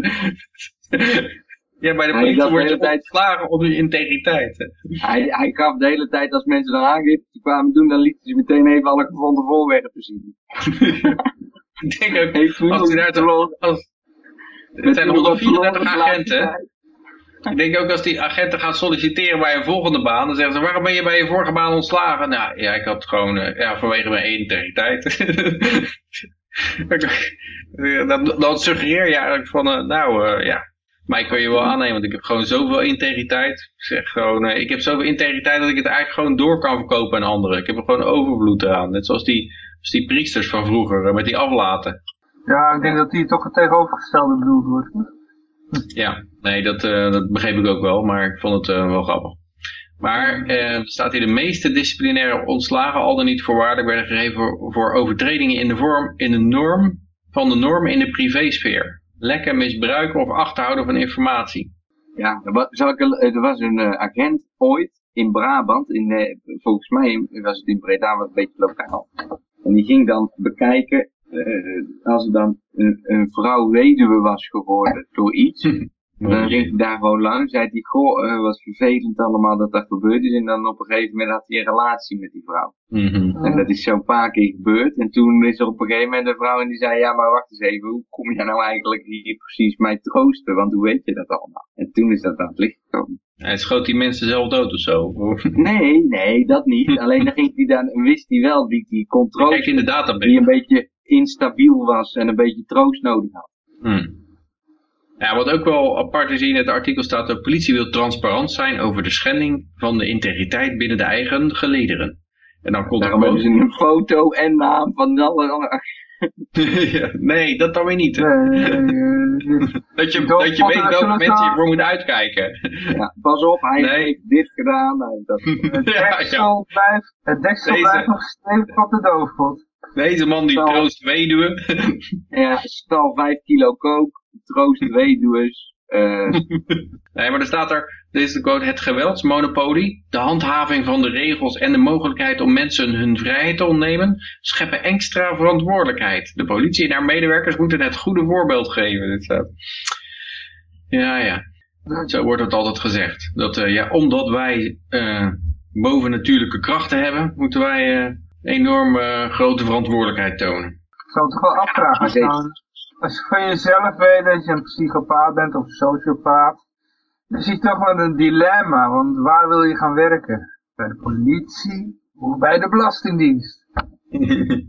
Ja, dan ben je een, het ligt eraan, dan ben je een denker of een doener. Ja, eh, ja. ja. Volgende artikel. Maar, ja, ja, ja, ja volgende artikel. Dan eh, blijven we nog even bij, bij de, de politie. Ik had gehoopt dat ik een leuk bruggetje kon maken. Misschien kunnen jullie het even doen. Maar eh, ja, ze snuffelen in uh, schoolkruisjes. En wat vinden ze daar? Snel. Ja, er zit een, eh, ze hebben een slapende scholier gevonden. En die, hadden dan, die, had- die wisten dat dat ging gebeuren, denk ik. Dus die hadden dan een geintje uitgehaald om daar eh, in te gaan slapen in het eh, kluisje. Maar wat ik gewoon... Ja, Ja, Daarna weer, ligt Ritalin voorgeschreven, hè, na die actie. En toen is het gewoon weer doorgegaan. ja, sliep hij gewoon weer verder. Ja, wat ik wel, wel apart vind, dat, dat de politie gewoon, ondanks de enorme werkdruk, toch nog tijd vindt om naar school te gaan en daar kluisjes van leerlingen te gaan doorzoeken om te kijken of ze daar geen vuurwerk in hebben liggen bijvoorbeeld. Ja, maar dat is om ze, nadat ze dan van die school af zijn, de angst in te hebben geprent Ja, dat ze ooit mogelijk een kluisje weer wordt geopend. ja dat, dat, dat de politie, eh, dat ze geen persoonlijke eigendom hebben, dat is het eigenlijk. Dat ze geen, ja, geen bezittingen hebben omdat alles altijd voor de politie eh, eh, weg te graaien Je krijgt in een openbaar gebouw een kluisje. Ja, dus ja, ik denk dat dat inderdaad de boodschap is. Ik heb ook wel eens gehoord van collega's die dan kinderen hadden, die, die gingen op excursie naar de gevangenis toe. Dan word je even rondgeleid met je school door de gevangenis. Van even aangeven van, ja, jongens, hier kunnen we jou zo inknikkeren. Dus dat je even weet voor wie je moet buigen. Ja. Maar het is natuurlijk allemaal verpakt in een mooi educatief verhaaltje van, eh, nou, je leert er wat en zo. En er werd ook niks aangetroffen overigens, hè, in de kluisjes. Dus eh, allemaal weer verspilde moeite. Ze hadden Ja. beter boeven kunnen gaan vangen, zeg ik dan. Oh, Ja, maar weet je dus niet, want misschien hebben ze ook nog voorlichting gegeven die dag. Seksuele Ja. voorlichting of zo. Toen legde die agent zo zijn, eh, en zei, kijk, dit is mijn andere geweer. nee, Eh, met, met, eh, zo heb je seks met ha- handboeien of zo. Dat is... eh Oh ja, lekker een handboeien, dan zal ik het even vol schieten. oh man. Ja, maar misschien hadden ze gehoopt een vuurwapen aan te treffen, net als bij de kinderen van Halsema. Vol- en Volgende een. Ja, Robert, oei. Eh, Even een kleine anekdote. Mijn, eh, ik, ik, weet, nou- ik weet toevallig mijn verloskundige die mij eh, eruit gefilmd heeft. Op de dag des En wat geboortes. een kutwerk was dat, Zo. hoorde ik. Joh, hey, Johan, dat is een kutwerk. kutwerk, ja. maar die heet, eh, die heet ook Oei. En eh, dat bleek dus inderdaad dat eh, hij dus de Robert Oei de zoon is. Van, eh, ja. Jouw verloskundige. Ja. Ja, Ja, ja. mijn moeder die weet dat, omdat zij in hetzelfde ziekenhuis heeft gewerkt. eh, Dus, eh, Mm. dus die kende ook eh, die man. Eh, ja, goed. Maar even een uh, zijdingetje. Wie is Eh, in geval, eh, De Robert, Robert, Robert Oei is de man van eh, van Femke Halsema. Oh, hebben we daar en, iets eh, over? Ja, ja, ja, hij is er allemaal in voorbij gegaan. Een groot schandaal hoor, wat er gebeurd Ik is. ben een bruggetje aan het maken, Johan. Ah, oké, oké, oké. Maak hem af. Nee, jij moet hem afmaken. Oké, Hebben we dan maak iets over die oei? Ja, eh, hij krijgt een taakstraf. Oh, vertel. Ja, ja, dan hoeft uh, Halsma niet afgezet te worden. Ehm van 40 uur. En dat had te maken met dat eh, pistool waar eh, die kinderen mee, van hun eh, mee eh, rond hebben lopen zwaaien. Ja. Zoontje dat is toch? zijn schuld. Zoontje, oh ja, zoontje. Halsema had er niks mee te maken. Eh, Nee, nee. Ik heb het, ik heb het niet gewust. eh. maar het verhaal is, hij was, inge- hij was ingebroken op een woonboot. En hij liep daar met een pistool te zwaaien. En toen kwam de, eh, de politie geroepen omdat hij eh, geluidsoverlast had. Toen rende hij weg, gooide hij het pistool weg. Ook al niet al te slim, dat heeft denk ik van zijn moeder, dit de intelligentie. En eh, ja, toen, eh, toen zei hij van eh, de politie natuurlijk van, hé, hey, hoe kom je dat pistool? En toen zei hij van, eh, van mijn vader. En eh, ja, die beweerde Zijn moeder- moeder moeten zeggen. ja, ja, ja, Ja. dom. Kijk hoe ze reageren, die politiemensen. Ja, is die niet, eh, heeft hij geen immuniteit of iets? Was het wel, ja. Onschendbaarheid. Onschendbaarheid? Ja, mijn moeder heeft heel de kluis vol liggen met eh, kernwapens, joh. Maakt Ja. niet uit, zit de burgemeester. Mitrailleurs. eh, gewoon om, de, om te voorkomen dat er chaos uitbreekt. Om de bevolking een beetje, een beetje het gereel te houden. Raketwerpers, bazooka's, antitankwapens. En toen Nee, was ja. Meneer, Oei, die, was, eh, die werd even zijn bed gelicht daarna. Oh nee, hij heeft taakstraf. Nee, nee, want dat wordt natuurlijk met fluwelen eh, handschoenen wordt het aangepakt. En, eh, Tuurlijk, ja. Ik Femke Halsma beweerde bij Hogenlaag ook dat ze niet haar invloed had gebruikt om die zoon een beetje uit, het, uit de wind te houden. En, nou, en dan, Dat dan komt eh, ho- hoofd van de politie hè, in Amsterdam. Sorry. Hij is hoofd van de politie in Ja, Amsterdam. ja. Meester, ja. Maar in ieder geval, daar komt er zo'n taakstrafje uit waarbij de man waarschijnlijk eh, de schoenen mag poetsen van zijn vrouw op het gemeentehuis. Dat is dan eh, zo'n soort taakstrafje. En, dan, eh, en, en het was ook zo, Oei die verkeerde dat het om een namaakrevolver ging voor de filmset. Maar het bleek dus wel degelijk een gasalarmrevolver te zijn. Waar hij geen vergunning voor had die hij wel nodig had. wat ik me nou afvraag, als je nou naar een 30-urige werkweek gaat, zouden dan ook die taakstraffen naar beneden gaan? Ze zeggen, ja, u moet, nog, u, moet één, u moet één week taakstraf, 30 uur. ja, een kwart eraf, hè? Nee, totaal niet. En die gevangenisstraffen, zou die ook omlaag gaan dan? Ja, nee, want we leven steeds langer. Dus dan zeggen ze, nee, u moet eh 10% van uw leven moet u zitten. Dus dat is nou... eh, dus, dus die gevangenisstraffen worden verlengd, maar de taakstraffen worden verkocht. Hmm. Dus op een gegeven moment zeggen, nou weet u wat, u hoeft alleen maar op de startknop te drukken en dan worden die, eh, die handelingen wel verricht door de computer. Dan zit uw taakstraf, dan kunt u gewoon vanuit huis werken. Hey, taakstraf en dan vanuit huis. Dat is, dat is zo fijn. Eh, eh, eh. Ja, maar dan hebben we nog een berichtje. De Oh. gemeenten hebben nauwelijks eh, zicht op eh, besteding van zorggeld. Die komt trouwens van eh, Rick. Ja, daar weet ik niks van hoor. Ja, Zo. ik weet er ook niks van, maar dit komt van de reporter radio Follow the Money. Ja, ik kan me voorstellen dat de gemeentes er geen flauw benul van hebben. En eh raad is welke kant het eh, uitging. Maar ze hebben dus geen verstand van eh, die zorgbudgetten en hoeveel geld dat gekost. En denk je dat ze te veel of te weinig hebben uitgegeven? Te veel. Sluizen flink open. Eh, ja, maar is ook een groot gaai. eh, een groot De gemeente keerde vorig jaar 37,9 miljoen euro uit aan zorgbedrijven die een opmerkelijk hoge winst maken. Ja, als we een opmerkelijk hoge winst zien, zou er dan een soort eh, kartelpolitie in het geding komen. Hmm. Uit onderzoek blijkt dat 85 grote zorgbedrijven vorig jaar minimaal twee jaar op rij ruim 10% hebben winst hebben gemaakt. Weet je, 10% winst, dat is gewoon absurd hoog. Dat is, eh, bedoel, alle rentes staan op nul. eh, de, de aandelen, dividend eh, yield is ook bijna nul. Dus al die, al die winsten zijn allemaal naar nul gedrukt. En deze uh, gezondheidstoko's die maken gewoon 10% winst. Onderzoek, volgens, eh, dat is volgens de onderzoekers op zijn minst opvallend, omdat een doorsneebedrijf in de geestelijke gezondheidszorg gehandicapten thuiszorg normaal gesproken ho- hooguit 3% winst haalt. Ja, zal ik eens wat zeggen? Hey, ik ben op de achtergrond, ik, ik ben er hoor, ik ben er over één seconde. Maar, maar Ja, ik, ik ken dus iemand die zo'n zorgbedrijf heeft. Hè? Ik kan je zeggen, als iemand geen 10% winst heeft, dan is er veel meer aan de hand. Want dan eh verkwanselen ze heel de boel. En eh degenen die nog winst maken, die doen er tenminste. Snap je? Die, zijn tenminste bezig. Ik heb echt, je kan dus een zorgbedrijf opzetten. En dan krijg je gewoon dat zorggeld. Want jij hebt, je, moet natuurlijk de, de juiste eh, papieren daar wel voor hebben. Maar zodra dat je dat hebt, kun jij met jouw zorgbedrijf en dan heb je een paar eh, cliënten en dan krijg je allemaal subsidie voor. Maar als je er gewoon geen fuck voor doet, ja, niemand die het dan, ja nee. Ik, Ja, maar het is natuurlijk ook zo op zich, ja, 10% winst, het is exorbitant veel, maar het is wel zo, als die bedrijven zeggen, oh wil je geen winst zien, is geen probleem. Doe gewoon alle salaris omhoog en dan is de winst ook weg natuurlijk. Dus dan, eh, ik weet niet of daar of nog eh, maxima aangebonden zijn, maar ja, dat is natuurlijk altijd een beetje onzin. Mensen vinden winst flink klinken, nou dan doe je direct- directeursalaris omhoog, weg winst. Ben je nou blij? Eh, neem aan van niet. Dit is wel de reden dat die, eh, die bijvoorbeeld de SP continu, continu, als over de zorg hebben, dan hebben ze over de, die uitwassen van het kapitalisme in de zorg en de marktwerking en dat werkt allemaal niet, want, en dan noemen ze dit op.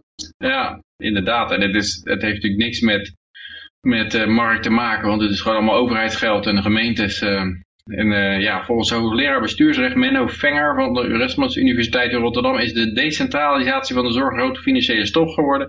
We hebben de sluizen wel flink open gehad, zegt hij tegen de media die het onderzoek deden. Dat heeft enorm veel geld gekost. Dat is niet naar zorg gegaan, maar vooral naar zorgaanbieders die daar heel rijk van zijn geworden. Ja, ik denk niet dat dat zozeer met decentralisatie te maken heeft, maar gewoon met monopolie. Het is een, uh, uh, op het moment dat iedereen die zorgfuncties kan gaan vervullen, dan zullen de winsten vanzelf omlaag gaan en dan moeten de prijzen ook omlaag gaan. Maar er is natuurlijk weer hierbij van alles aan de prijzen vastgesteld en uh, er zijn heel veel regeltjes uh, gemaakt. En dat betekent dat, dat er slechts een paar mensen die alle 26.000 diploma's hebben dit kunnen doen en die, die lopen dan helemaal binnen. Maar dat, daar wordt de consument van de zorg niet beter van. Maar Rick heeft het gepost, ik, uh, die heeft daar wat meer verstand van denk ik. Dus, ik moet er zelf even bij zeggen dat nu ik dit toch zie, dit artikel is iets anders, andere tak van zorg als die ik bedoelde. Want ik had het meer over die uh, PGB-bureaus. Uh, Persoonsgebonden budget. Ja, en die, die, die gaan dan voor jou die aanvragen allemaal regelen, want uh, dat is voor jou al veel te lastig, maar daar heb je wel recht op, want je hmm. bent zwaar gehandicapt, weet je wel, en dan gaan die als een soort tussenpersoon, gaan die, die heel die regelgeving voor jou doorlopen. Dat is heel iets anders dan deze zorg. Hmm. Deze zorg, die uh, doet daadwerkelijk mensen helpen. Niet met papierwerk, maar aan het bed. Ja, maar uh, even kijken. Waarom? Waar waren we ook alweer? Dan is, een, dan is een kostprijs ook meer te verklaren. Want die andere mensen die hebben dus alleen een computer, moet ik maar zo te zeggen. En dat is een beetje wat ik bedoel. Ja, Als je eenmaal zo'n bewindspersoon bent geworden, dan kun je met dat hele budget van die mensen, in zekere zin kun je dat gewoon... Als die mensen een beetje achterlijk zijn, laat ik het zo zeggen, dan kun je ze gewoon voor zoveel duizenden in het schip werken. Dat is nu niet normaal. Ja, ja. Maar je vraagt je een beetje af hierbij, het is dan gedecentra- gedecentraliseerd, dat betekent dat de uitvoering bij de gemeentes is gelegd. Eh, maar eh, declareren die het geld gewoon weer bij de Rijksoverheid. Dat vraag ik me een beetje af, want dan, dan, dan krijg je een bepaald desinteresse. Eh, ik denk als ze, als, het hun, als ze hun eigen budgetsluit moeten krijgen, dan zijn ze waarschijnlijk wat beter, letten ze er nog wat beter op. Hoewel het bij de overheid natuurlijk altijd minimaal is vergeleken bij een bedrijf, maar, eh, maar dat ze zoveel geld uitgeven, dan, ik, ik heb haast het idee dat ze een, eh, een, een nationale backstop hebben voor dit, eh, voor dit tekorten. Ja. ja. En ik dacht dat wij altijd goed waren in uh, doemscenario's te schetsen. Maar uh, er is er eentje die, uh, die kan het nog beter. Ik heb mijn best niet nog nooit gedaan voor een doemscenario. nee, goed jij niet. Maar uh, ja, er is eentje die kan het nog beter dan ons. En dat is uh, Tim en Frans. Of Frans die, nou, die heeft ook een baard. Die heeft ook een baard. Ja, ja, ja. ja. Hey, dit Dus, komt van eh, geen stel. Dit is een stukje van geen stel, dus een heel andere insteek. Klopt. Maar wel is naar anders dan aanleiding, uh, van een, nu.nl. eh. naar aanleiding van een filmpje waarin hij daadwerkelijk een uh, doemscenario schetst. Maar goed, ja, uh, Peter, vertel. Nou, ik vond het filmpje om te, om te beginnen wel, wel interessant, omdat hij een beetje als een minkukel werd neergezet, vond ik. Eh, want normaal, als je dit, eh, als je dit wil promoten, dan, eh, dan maak je van zo'n persoon een beetje een autoriteit of zo. Als die voor een podium staat of achter een kansel of met allerlei camera's daarvoor die staan te klikken en, en microfoons en een eh, katheter, nee, hoe heet dat dan? Ja, een katheter of een... nou ja, zo'n spreekgestoelte. En, maar dat deed hij niet. Hij, hij kwam gewoon met een of ander eh, eh, kartonnen bord binnenzetten met een kaartje, met wat informatie erop. En dat was echt een soort eh, schoenenverkoper. Hij, was echt zo'n, ja, verkoper kwam hij gewoon binnenzetten. Dat, dat was het eerste wat me opviel. Dat hij niet zulke geweldige pers had, vond ik. Maar wat me nog meer opviel is dat hij gebruikt een techniek die ik wel eh, even onder de aandacht wil brengen, die ik wel vaker eh, zie de laatste tijd, is dat hij vroeg de luisteraar zich in te beelden dat er een komeet op de aarde afkwam. En dan ga je toch ook niet niks zitten doen? Dus eh, die, het slaat natuurlijk helemaal nergens op met het eh, global warming vergelijken met er komt een komeet op de aarde af. Maar dat inbeelden, dat, dat is in de mode. Dat gebeurde laatst, want ik, ik zag daar twee gevallen van. En een ander geval was in Amerika bij het impeachment debat. Daar was een, eh, eh, een senator geloof ik, Hank Johnson, Johnson. En die vroeg de luisteraar zich eh, in te beelden dat Trump de dochter van de Oekraïense president in zijn kelder had vastgebonden. en, en ik denk, ja, nee, ik kan het natuurlijk wel gaan doen, maar eh, het slaat voor de rest slaat het helemaal nergens op. Behalve dan dat het natuurlijk enorme emotionele, en, en het is een suggestie is het. Dan moet je denken dat, dat Trump een tienermeisje is een kelder heeft vastgebonden. Dus, uh, ja, dus hij kan altijd zeggen van ja, maar ik heb nooit gezegd dat dat het geval was. Maar ik, ik vroeg alleen om je dat in te beelden. En dat is met die kometen ook zo. Denk je in dat er een komeet op de aarde afvliegt? Ja, dan doe je natuurlijk ook gelijk de belasting omhoog om die komeet tegen te houden. Dus, dus met global warming doe je dat ook. Uh, ja, dat vond ik wel apart. En overigens, die, uh, die, Dennis die herinnerde mij nog aan die Hank Johnson die dat zei. Die heeft eerder de uitspraak gedaan dat het eiland Guam zou uh, zou kapseizen als, als er te veel mensen op zouden komen. Dat was al, uh, ja, dat was al een bijzonder stom, stomme uitspraak, waarbij die ook nog weer herkozen is.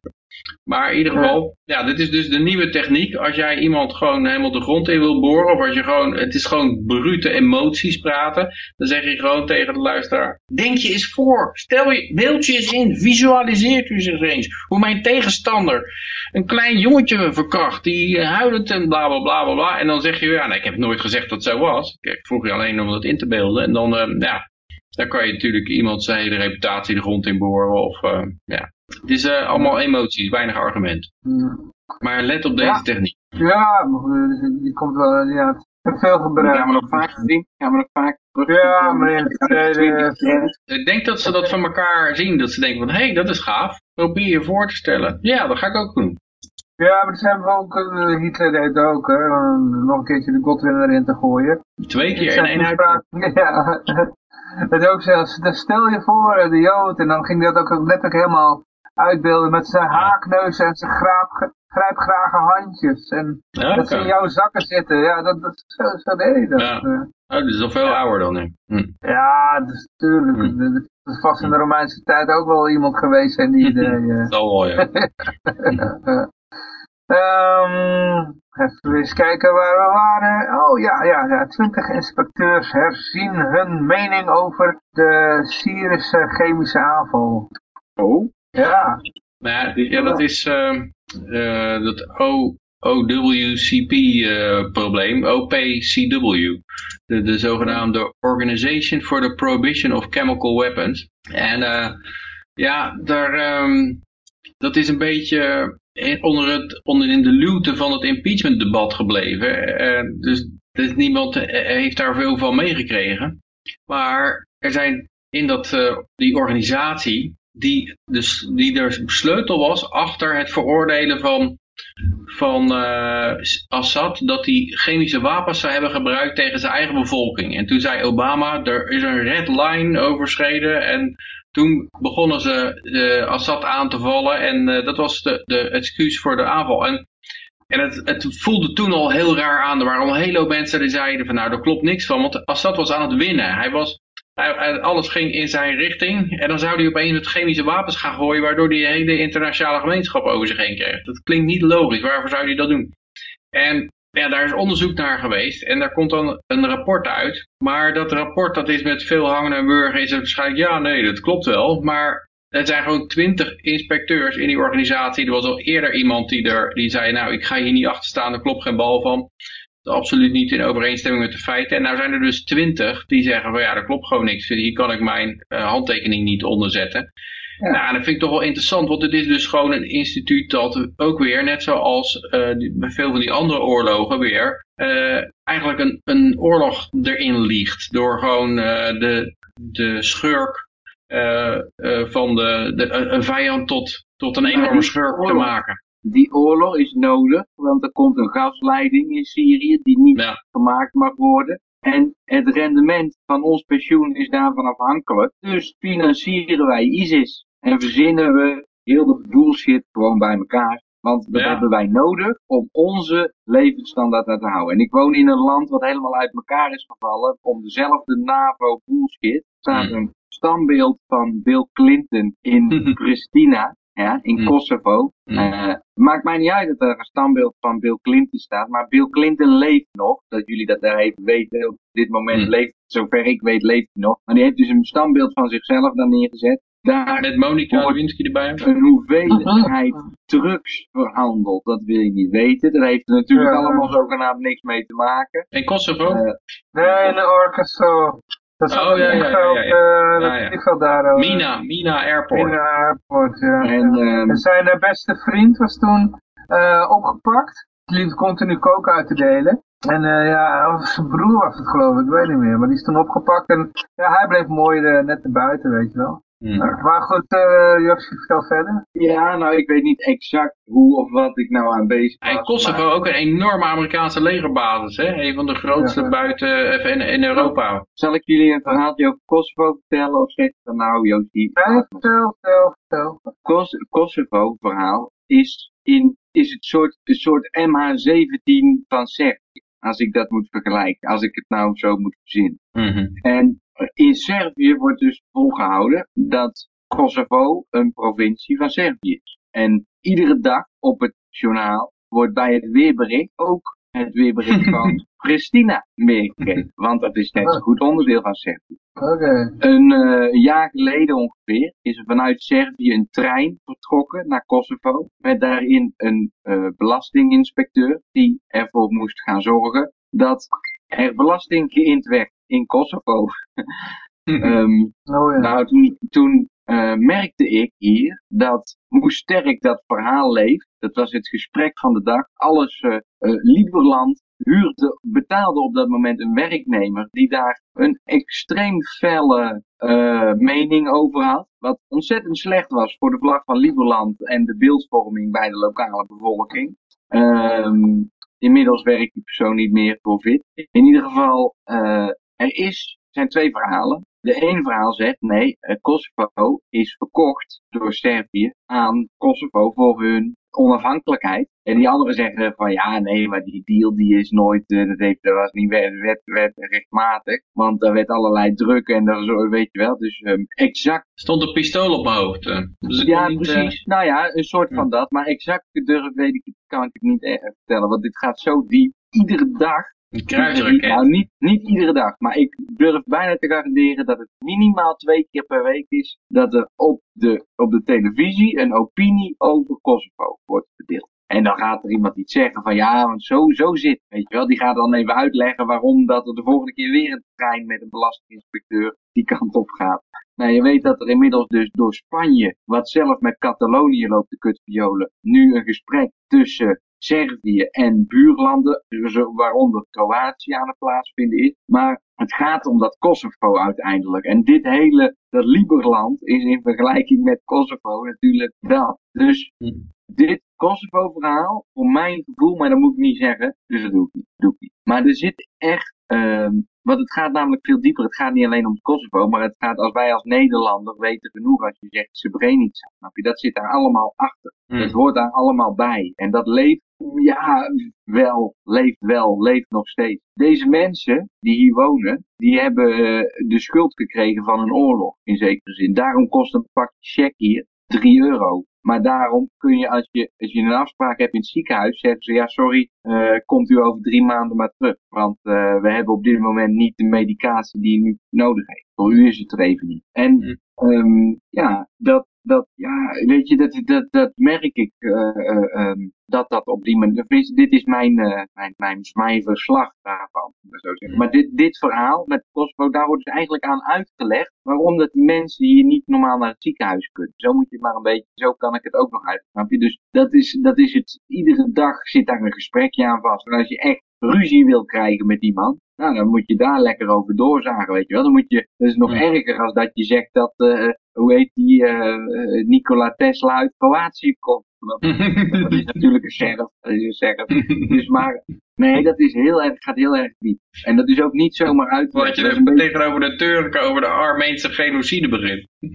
Ja, bijvoorbeeld, of als je in een, eh, met een WK voetbal Nederland-Duitsland, om het maar even iets dichter bij huis te brengen. Eh, Wat nog weet- heel erg weet je cru dat? is, zo, over die Armeense genocide. Als dan Denk dan gaat zeggen van ja, jullie gooien allemaal bommen in, eh, in Irak en dat is moord. Oeh, ligt de hele Tweede Kamer.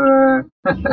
Ik vond, uh, want dat hebben we hier ook nog niet besproken. Er was een stuk van Thierry Baudet was gisteren op televisie. Was een politi politieke uh, gebeurtenis van het jaar. Heb je dat niet oh. meegekregen? Nee, nee, nee. Ik, uh, nee, het was een programma op televisie. Hier, ik weet het zelf. Ik zit hier in Servië en ik weet wij weten het alle twee niet. We zitten in Nederland, uh, Jurgen. Hou jij je mee bezig? Thierry Baudet. Groot nieuws, groot nieuws. Let op. Tot vorig jaar tot vorig jaar werd er in Nederland politicus van het jaar gekozen. Of tot twee jaar geleden, of weet ik het wat. Maar dat is omgegooid en dat is nu het politieke moment geworden. Want je hebt niet meer de ah. politicus van het jaar. En zo kwamen er allerlei momenten voorbij. En de momenten die door de NPO werden uitgelicht bij de, hoe weten ze, Forum voor de, voor de demagogen. Uh, nee, nee, Techno het Forum voor de Technocratie.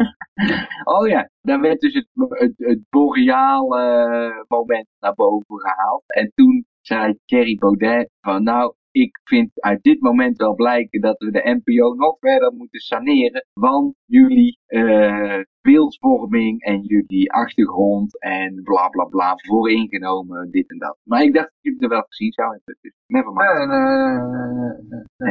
Nee, ik kijk bijna geen Nederlandse televisie meer. Maar, om dit nog even... In de Koreaanse televisie is het waarschijnlijk. Ah. is er verschil? Uh, Thierry Baudet. nee, uh, maar dit komt dus uit de Wikileaks, dit, dit, deze dump. Dus die, die 20 inspectors die, uh, die het er niet mee eens waren, die hebben dat via Wikileaks kenbaar gemaakt. Maar het valt natuurlijk ook samen met de Afghanistan Papers, die ook een beetje ondergesneeuwd zijn door die hele impeachment zooi in Amerika. En daar bleek eigenlijk uit dat, dat er jarenlang gelogen is over de, de, de successen in de Afghanistan-oorlog. Dus er, uh, ja, daar kwamen een heleboel mensen om het leven. Ze wisten dat het niet te winnen was. Uh, ze, en desondanks werd er nog een heleboel geld in, achteraan gesmeten en een heleboel mensenlevens. En ja, eigenlijk blijkt maar weer is dat, er, dat een, een empire gewoon altijd liegt over zijn oorlogen. En ze kunnen gewoon met de grootste supermarkt, supermacht kan het nog niet winnen van een paar geitenhoeders. En ik denk dat het een beetje de, de voorbode is van een uh, retreat. Uh, uh, dat ze toch wel aan willen geven dat ze uit weg moeten dat het naar buiten komt. Maar ja, je, vraag is een beetje waarom je die geheime diensten en die militairen ooit nog zou, zou vertrouwen. Want eigenlijk die geheime diensten was natuurlijk al met Irak met uh, Weapons of Mass Destruction. Daar, daar zei Nancy Pelosi van, ja, we wisten destijds ook dat er geen Weapons of Mass Destruction waren. Dus die, dat is ook nog eens een keer bevestigen. En, en ze zei dat eigenlijk. Ze zei van, ja, er werd haar gevraagd van, waarom wil je Bush, heb je Bush nooit geïmpeached? Uh, vanwege die Irak-oorlog. En nu wel Trump. En toen zei ze, ja nee, ik zat toen in de, in de commissie van de Gang of Four en we wisten dat, uh, dat, het, dat hij geen uh, weapons of mass destruction had. En toch heb ik hem niet geïmpeached. En dan wilden ze mij aangeven van, maar de, de, de drempel ligt voor mij heel hoog om te impeachen. Want zelfs als iemand ons onder leugens een oorlog in, in, uh, in praat, dan uh, impeach ik niet. Maar nou met Trump, nou, uh, nou, nou is het wel hoog genoeg. Het telefoongesprek met Zelensky, ja, dat, daar moet hij voor geïmpeached worden. Maar ondertussen werd er dus wel toegegeven dat, dat haar be bekend was dat het op leugens gebaseerd was. Nou komt er over de Afghanistan Papers ook een rapport naar buiten dat het ook allemaal leugens zijn over hoe het daar gaat. Dus het is één grote leugen. En nog steeds zeggen ze van ja, hey, 17 eh, intelligence agencies die, uh, die zeiden dat, uh, ja, dat Trump een Russische puppet is of zo. Dat, en, en, en verslaggevers op de televisie, die doen ook heel verbaasd als, als een politicus zegt dat hij die intelligence agencies niet gelooft. Dan zeggen ze, kijken ze echt van, nou, nee maar, wilt u zeggen dat u, dat u, dat u de intelligence agencies niet gelooft? En, en ja, dit is daar staan ze echt van te kijken. En dat is ook niet verwonder, want die, die ex-CIA-guy Brennan, de ex-CIA-hoofd, die werkt voor eh, ABC of zo, CSNBC of een van die, van die grote netwerken. Dus je, uh, Anderson Cooper, dat is ook een ex-CIA-gast. Dus ze zitten gewoon allemaal intelligence agencies. Dat zijn gewoon de nieuwsankers die jou het nieuws vertellen. En die, en die vinden het dan uh, enorme geloofwaardige toestand. En, en het, is, uh, het is ook al bekend dat, het, geloofwaardigheid in die intelligence agencies begint terug te lopen bij Amerikanen. En het enige instituut dat nou nog wat geloofwaardigheid had. Dat blijkt uit alle enquêtes in Amerika. Dat is niet congres natuurlijk en niet al, de, al dat soort uh, three-letter agencies en media niet meer. Maar het enige wat nog geloofwaardigheid heeft is het leger. En nou blijkt eigenlijk ook die Afghanistan papers, papers dat het leger ook door alle rangen heen, al die generaals, die hebben allemaal zitten liegen over de winbaarheid van die oorlog en over de successen die ze behaalden en uh, eigenlijk om geldstromen uh, in leven te houden. Dus ik ben benieuwd of dit... Hebben jullie wel eens het uh, QAnon verhaal hier uh, behandeld? Die uh, conspiracy theorie? Hebben jullie die misschien wel een keer genoemd, maar we hebben het nog nooit behandeld. Want dat is ja. in, in zekere zin hoor ik dat nou een beetje terug. Wat wil je zeggen, Johan? Ja, volgens mij heb jij een keer eerder over verteld. Maar ja, oké, oké. Okay. Nou ja, goed. Okay. Maakt niet uit. Ja, maar vertel. Nou ja, ik heb het gevoel bij deze hele impeachment bullshit dat het gewoon een opzet is om hem herkozen te krijgen. Want weet reclame dan dit krijgt hij niet. Ik weet, heb je, hebben jullie bijvoorbeeld die speech die hij vlak voor de verkiezingen gaf? Hebben jullie die wel gehoord? Iets van uh, zes, zeven minuten dat hij dus uh, uh, ja, eigenlijk dat hele verhaal uit doeken doet, waarin hij zegt dat Hillary Clinton gewoon een puppet is van een aantal uh, centrale bankiers die zoveel geld hebben dat ze denken heel de wereld uh, te kunnen, uh, kunnen manipuleren. Mm. Dat, die, die speech, heb je die nooit gehoord? Nee. Nee, die zou je een keer, want die heeft hij dus, dat is eigenlijk de speech waarmee dat hij die hele verkiezingen heeft gewonnen. Want dat heeft hij vlak voordat die verkiezingen begonnen, heeft hij die speech gelanceerd. En als je die speech hoort, dan denk je van, ja, die gozer heeft gelijk, ik ga op die vent stemmen. Mhm. Tenminste, weet je wel, uh, hij, hij, hij schetst een verhaal waarbij de media uh, in, de ma in de macht zijn van dezelfde mensen die achter Hillary staan. Mhm. En uh, dat die een oorlog voeren, maakt niet uit welke oorlog, want ze hebben de media toch wel om het te manipuleren. En, en, en dat is in die speech toen zo gezegd. Ik, kan hem wel... Een, ja, maar Eisenhower heeft dat ook wel eens gezegd. Het Military Industrial Complex, die moet je enorm voor uitkijken, want die, uh, ja, die houden hun eigen business interest uh, omhoog. En dat, die, die zijn niet beroerd om daar een oorlogje voor in het leven te roepen. Maar ik denk nou inderdaad zoals het eruit ziet dat, dat Trump weer gaat winnen. Ja. Want als je kijkt wat, wat die, waar hij tegenop moet boksen, dan zijn het een aantal extreem linkse figuren. Die liggen wel heel, heel goed binnen de democraten, maar die gaan, die gaan landelijk nooit winnen over het hele, hele spectrum. Die liggen, liggen alleen maar goed op de extreme flank. En dan heb je Joe Biden nog. Nou, die kan geen twee zinnen aan elkaar knopen. En, dan, uh, en, en die zit aan corruptie zit die, uh, zit die tot over zijn oren. Want dat is natuurlijk ook te belachelijk voor woorden. Dan gaan ze hem impeachen vanwege, vanwege de Oekraïne, dat telefoongesprek. En dan komt al die drek naar boven zetten van die democraten. Die vier van die topdemocraten hebben daar allemaal kinderen zitten in, in gasbedrijven die, die enorme bakken geld binnenslepen, terwijl ze nergens een verstand van hebben. Dus dat, dat komt allemaal boven water. Dat, ja. daar, wil, en die daar wil je niet aan beginnen. Die worden niet betaald. En die Russische gasleidingen die worden niet betaald. Ja. Hè? En dan zegt Rusland, ja, we sluiten Oekraïne van het gas af en dan gaat Duitsland klagen. Ja. ik, heb, Ja. uh, ik heb die link, ik weet niet zeker of het een goede is, maar ik heb die speech heb ik, uh, in de Twitch gedeeld. Oh, oké. Ja, dat is een filmpje op YouTube in ieder geval. Uh, ik, het is niet exact wat ik dacht dat het was, maar volgens mij is het deze, maar ik heb mijn geluid niet aanstaan. Ah, ja. Maar ik denk ook, als je het ook, ook ziet in uh, verband met de UK-uitslag van de verkiezingen, die hebben we dan nog niet behandeld, maar ik denk dat je daar ook een beetje zijn terugslag ziet. De, eigenlijk is de socialist Corbijn, die is daar helemaal weggevaagd ongeveer. En die had ook nog veel te extreme standpunten. En dat binnen hun eigen kokonnetje ligt dat allemaal heel goed. Dan denken ze, oh jemig, ben ik populair. Maar binnen de gehele bevolking die is dat helemaal zat. Dat ook dat woke gedoe en zo. Dan later weer hoor ik dat de twee Canadezen ontslagen omdat ze in een privégesprek het woord Eskimo gebruikten. Dat moet je dan Inuit voor, uh, voor noemen in plaats van Eskimo. Zo, dat hadden het gewoon tegen elkaar zijn ze ontslagen. Ik denk dat veel ja, mensen die worden maar, een beetje die... Ja, dat is nou weer, weet je wel, dat, dat zeg je dan heel makkelijk. Alleen dat is voor mij, klinkt dat dan als iemand die in Nederland uh, Duitsers als moffen gaat opschrijven. Snap je? Dat is in Canada, wonen die mensen. En dan is het misschien net wat anders dan dat wij Eskimo zeggen. Snap je? Ik denk dat Eskimo daar een enorm scheldwoord is of zo. Nou, ik denk dat dat wel anders is dan dat wij het interpreteren. Ja. Hmm. Nou ja, dat zou allemaal kunnen, maar, maar dan, dan heb ik het verkeerde voorbeeld genoemd dat jou net uh, wel heel goed in de oren klinkt. Maar ik ben, nog scherp. Er zijn natuurlijk een heleboel van dit soort voorbeelden van mensen die uh, gecanceld worden, wat ze de cancel culture noemen, omdat ze een, een grapje verkeerd viel, uh, getweet hadden of ja, en dat soort, dat soort ja, dingen, denk dat de burger daar een beetje genoeg van heeft en dat dat in de UK blijkt uit zo'n verkiezingsuitslag en dat je dat met Trump ook al had, de eerste termijn. En ik denk dat, je dat, dat die golf wel verder gaat dat je wel op andere plaatsen in Europa ook allemaal van die soort, ja, een beetje rechtspopulistische bewegingen krijgt, die, die het gewoon helemaal zat zijn, dit soort politiek correcte gedoe. Nou, je ziet het in zekere zin een beetje met Forum voor Democratie in Nederland dan bedoel ik. Ja. Die zijn natuurlijk ook... Ja, en er zijn nog uh, eerdere golven al geweest. Pim Fortuyn was natuurlijk ook al zo'n golf. Uh, ik denk ja, dat je al... die kon het nooit afmaken. Of in ieder geval, wat was dat voor golf? Dat was een golf die er niet was. Want die, die was er wel. En ik heb af en toe, jongen, dan zit ik dat nog wel eens terug te kijken, wat die gozer dan zegt.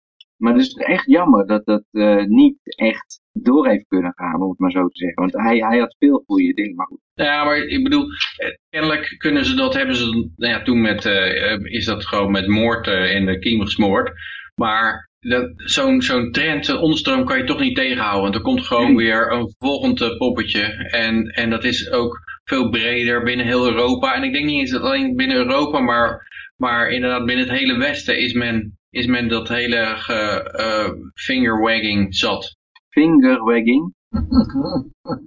oh, dat is uh, fingerwagging. Dat je zo met je, met je wijsvinger tegen iemand zo. En, en je ziet dat met Greta ook een beetje. Dat mensen gewoon, ja, ik, ik zit natuurlijk ook in een kokonnetje, maar dat, dat mensen die, die Greta, daar worden wel grapjes van gemaakt. How dare you? You have stolen my childhood and my dreams. I should not be here. I should be at school in Sweden.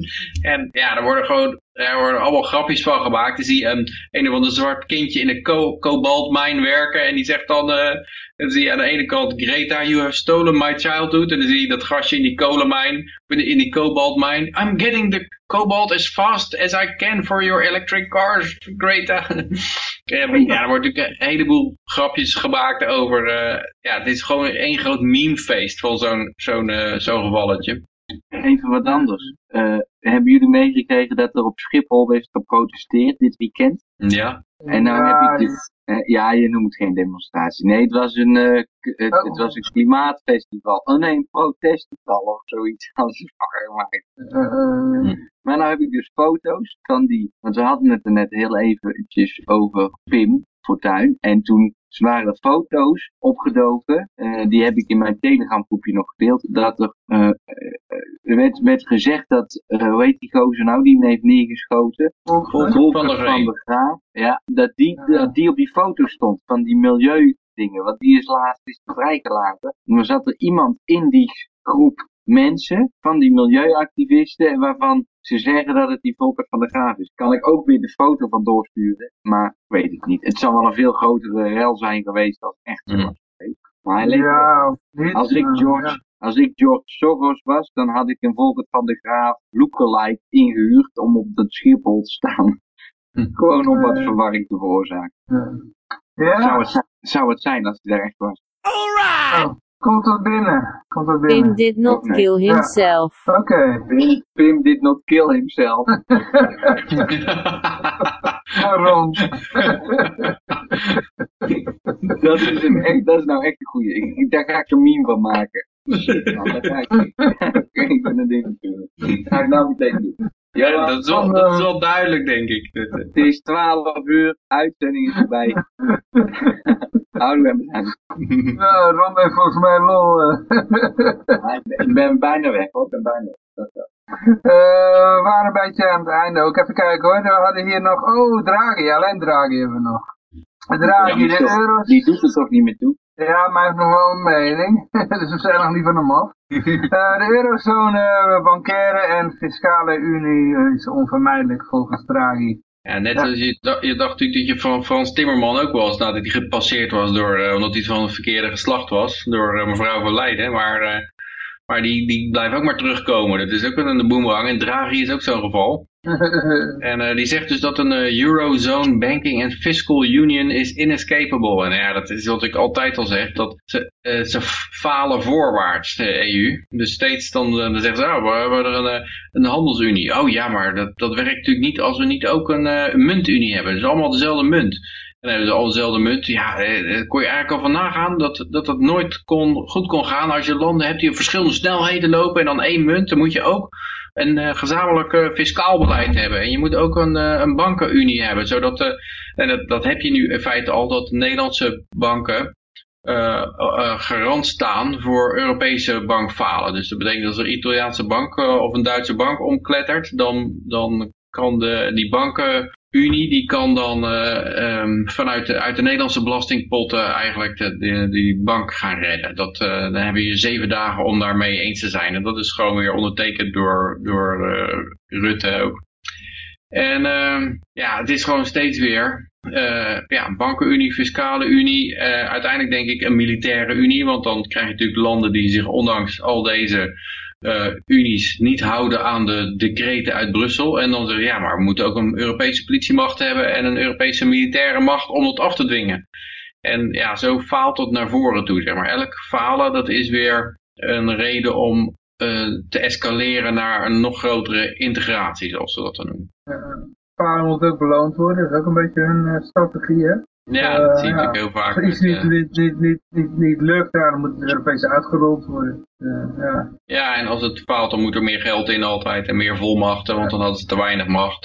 Dat is de reden dat het gefaald is. Ja, het is, uh, wat dat betreft vinden ze het natuurlijk heerlijk om incompetente mensen aan te trekken, want dat is alleen maar weer een reden voor, voor meer geld, meer budget, meer macht, meer Vaak ook allemaal uh, ja, mensen met een communistisch verleden, hè? Dat is tragisch. ja, die vindt natuurlijk allemaal heerlijk. Zo'n, uh, ja, zowel fascisten als communisten vinden het heerlijk om een hele grote unies te smeden met een hele grote centrale macht. Die, uh, ja, natuurlijk vreemd voor communisten. Die zouden eigenlijk altijd tegen een centrale macht moeten. Maar ja, ze willen toch altijd een comité hebben die beslissingen neemt voor het geheel. En het comité, de Central Committee, dat, ja, dat is dan eigenlijk een soort Brussel weer. En dus heb je toch weer een overheid en die moet dan uh, vijf jaren plannen maken enzovoort. Ja. Maar wij zijn aan het einde gekomen van de uitzending. En het is uh, 12 uur over, als ik het goed heb begrepen. Scherp op tijd zijn we. Ja, precies. En goed, ja, dan uh, wil ik in ieder geval uh, iedereen hartelijk danken voor het meedoen met de uitzending. En uiteraard ook de luisteraars. dank voor het luisteren. Uiteraard zijn we de volgende week weer. En ik wens iedereen vrolijk en vooral heel erg fijne week. Ja, en dan komt de eindtune. Hoppakee. Ja, dat zit hierin. Yes. De recording op stop.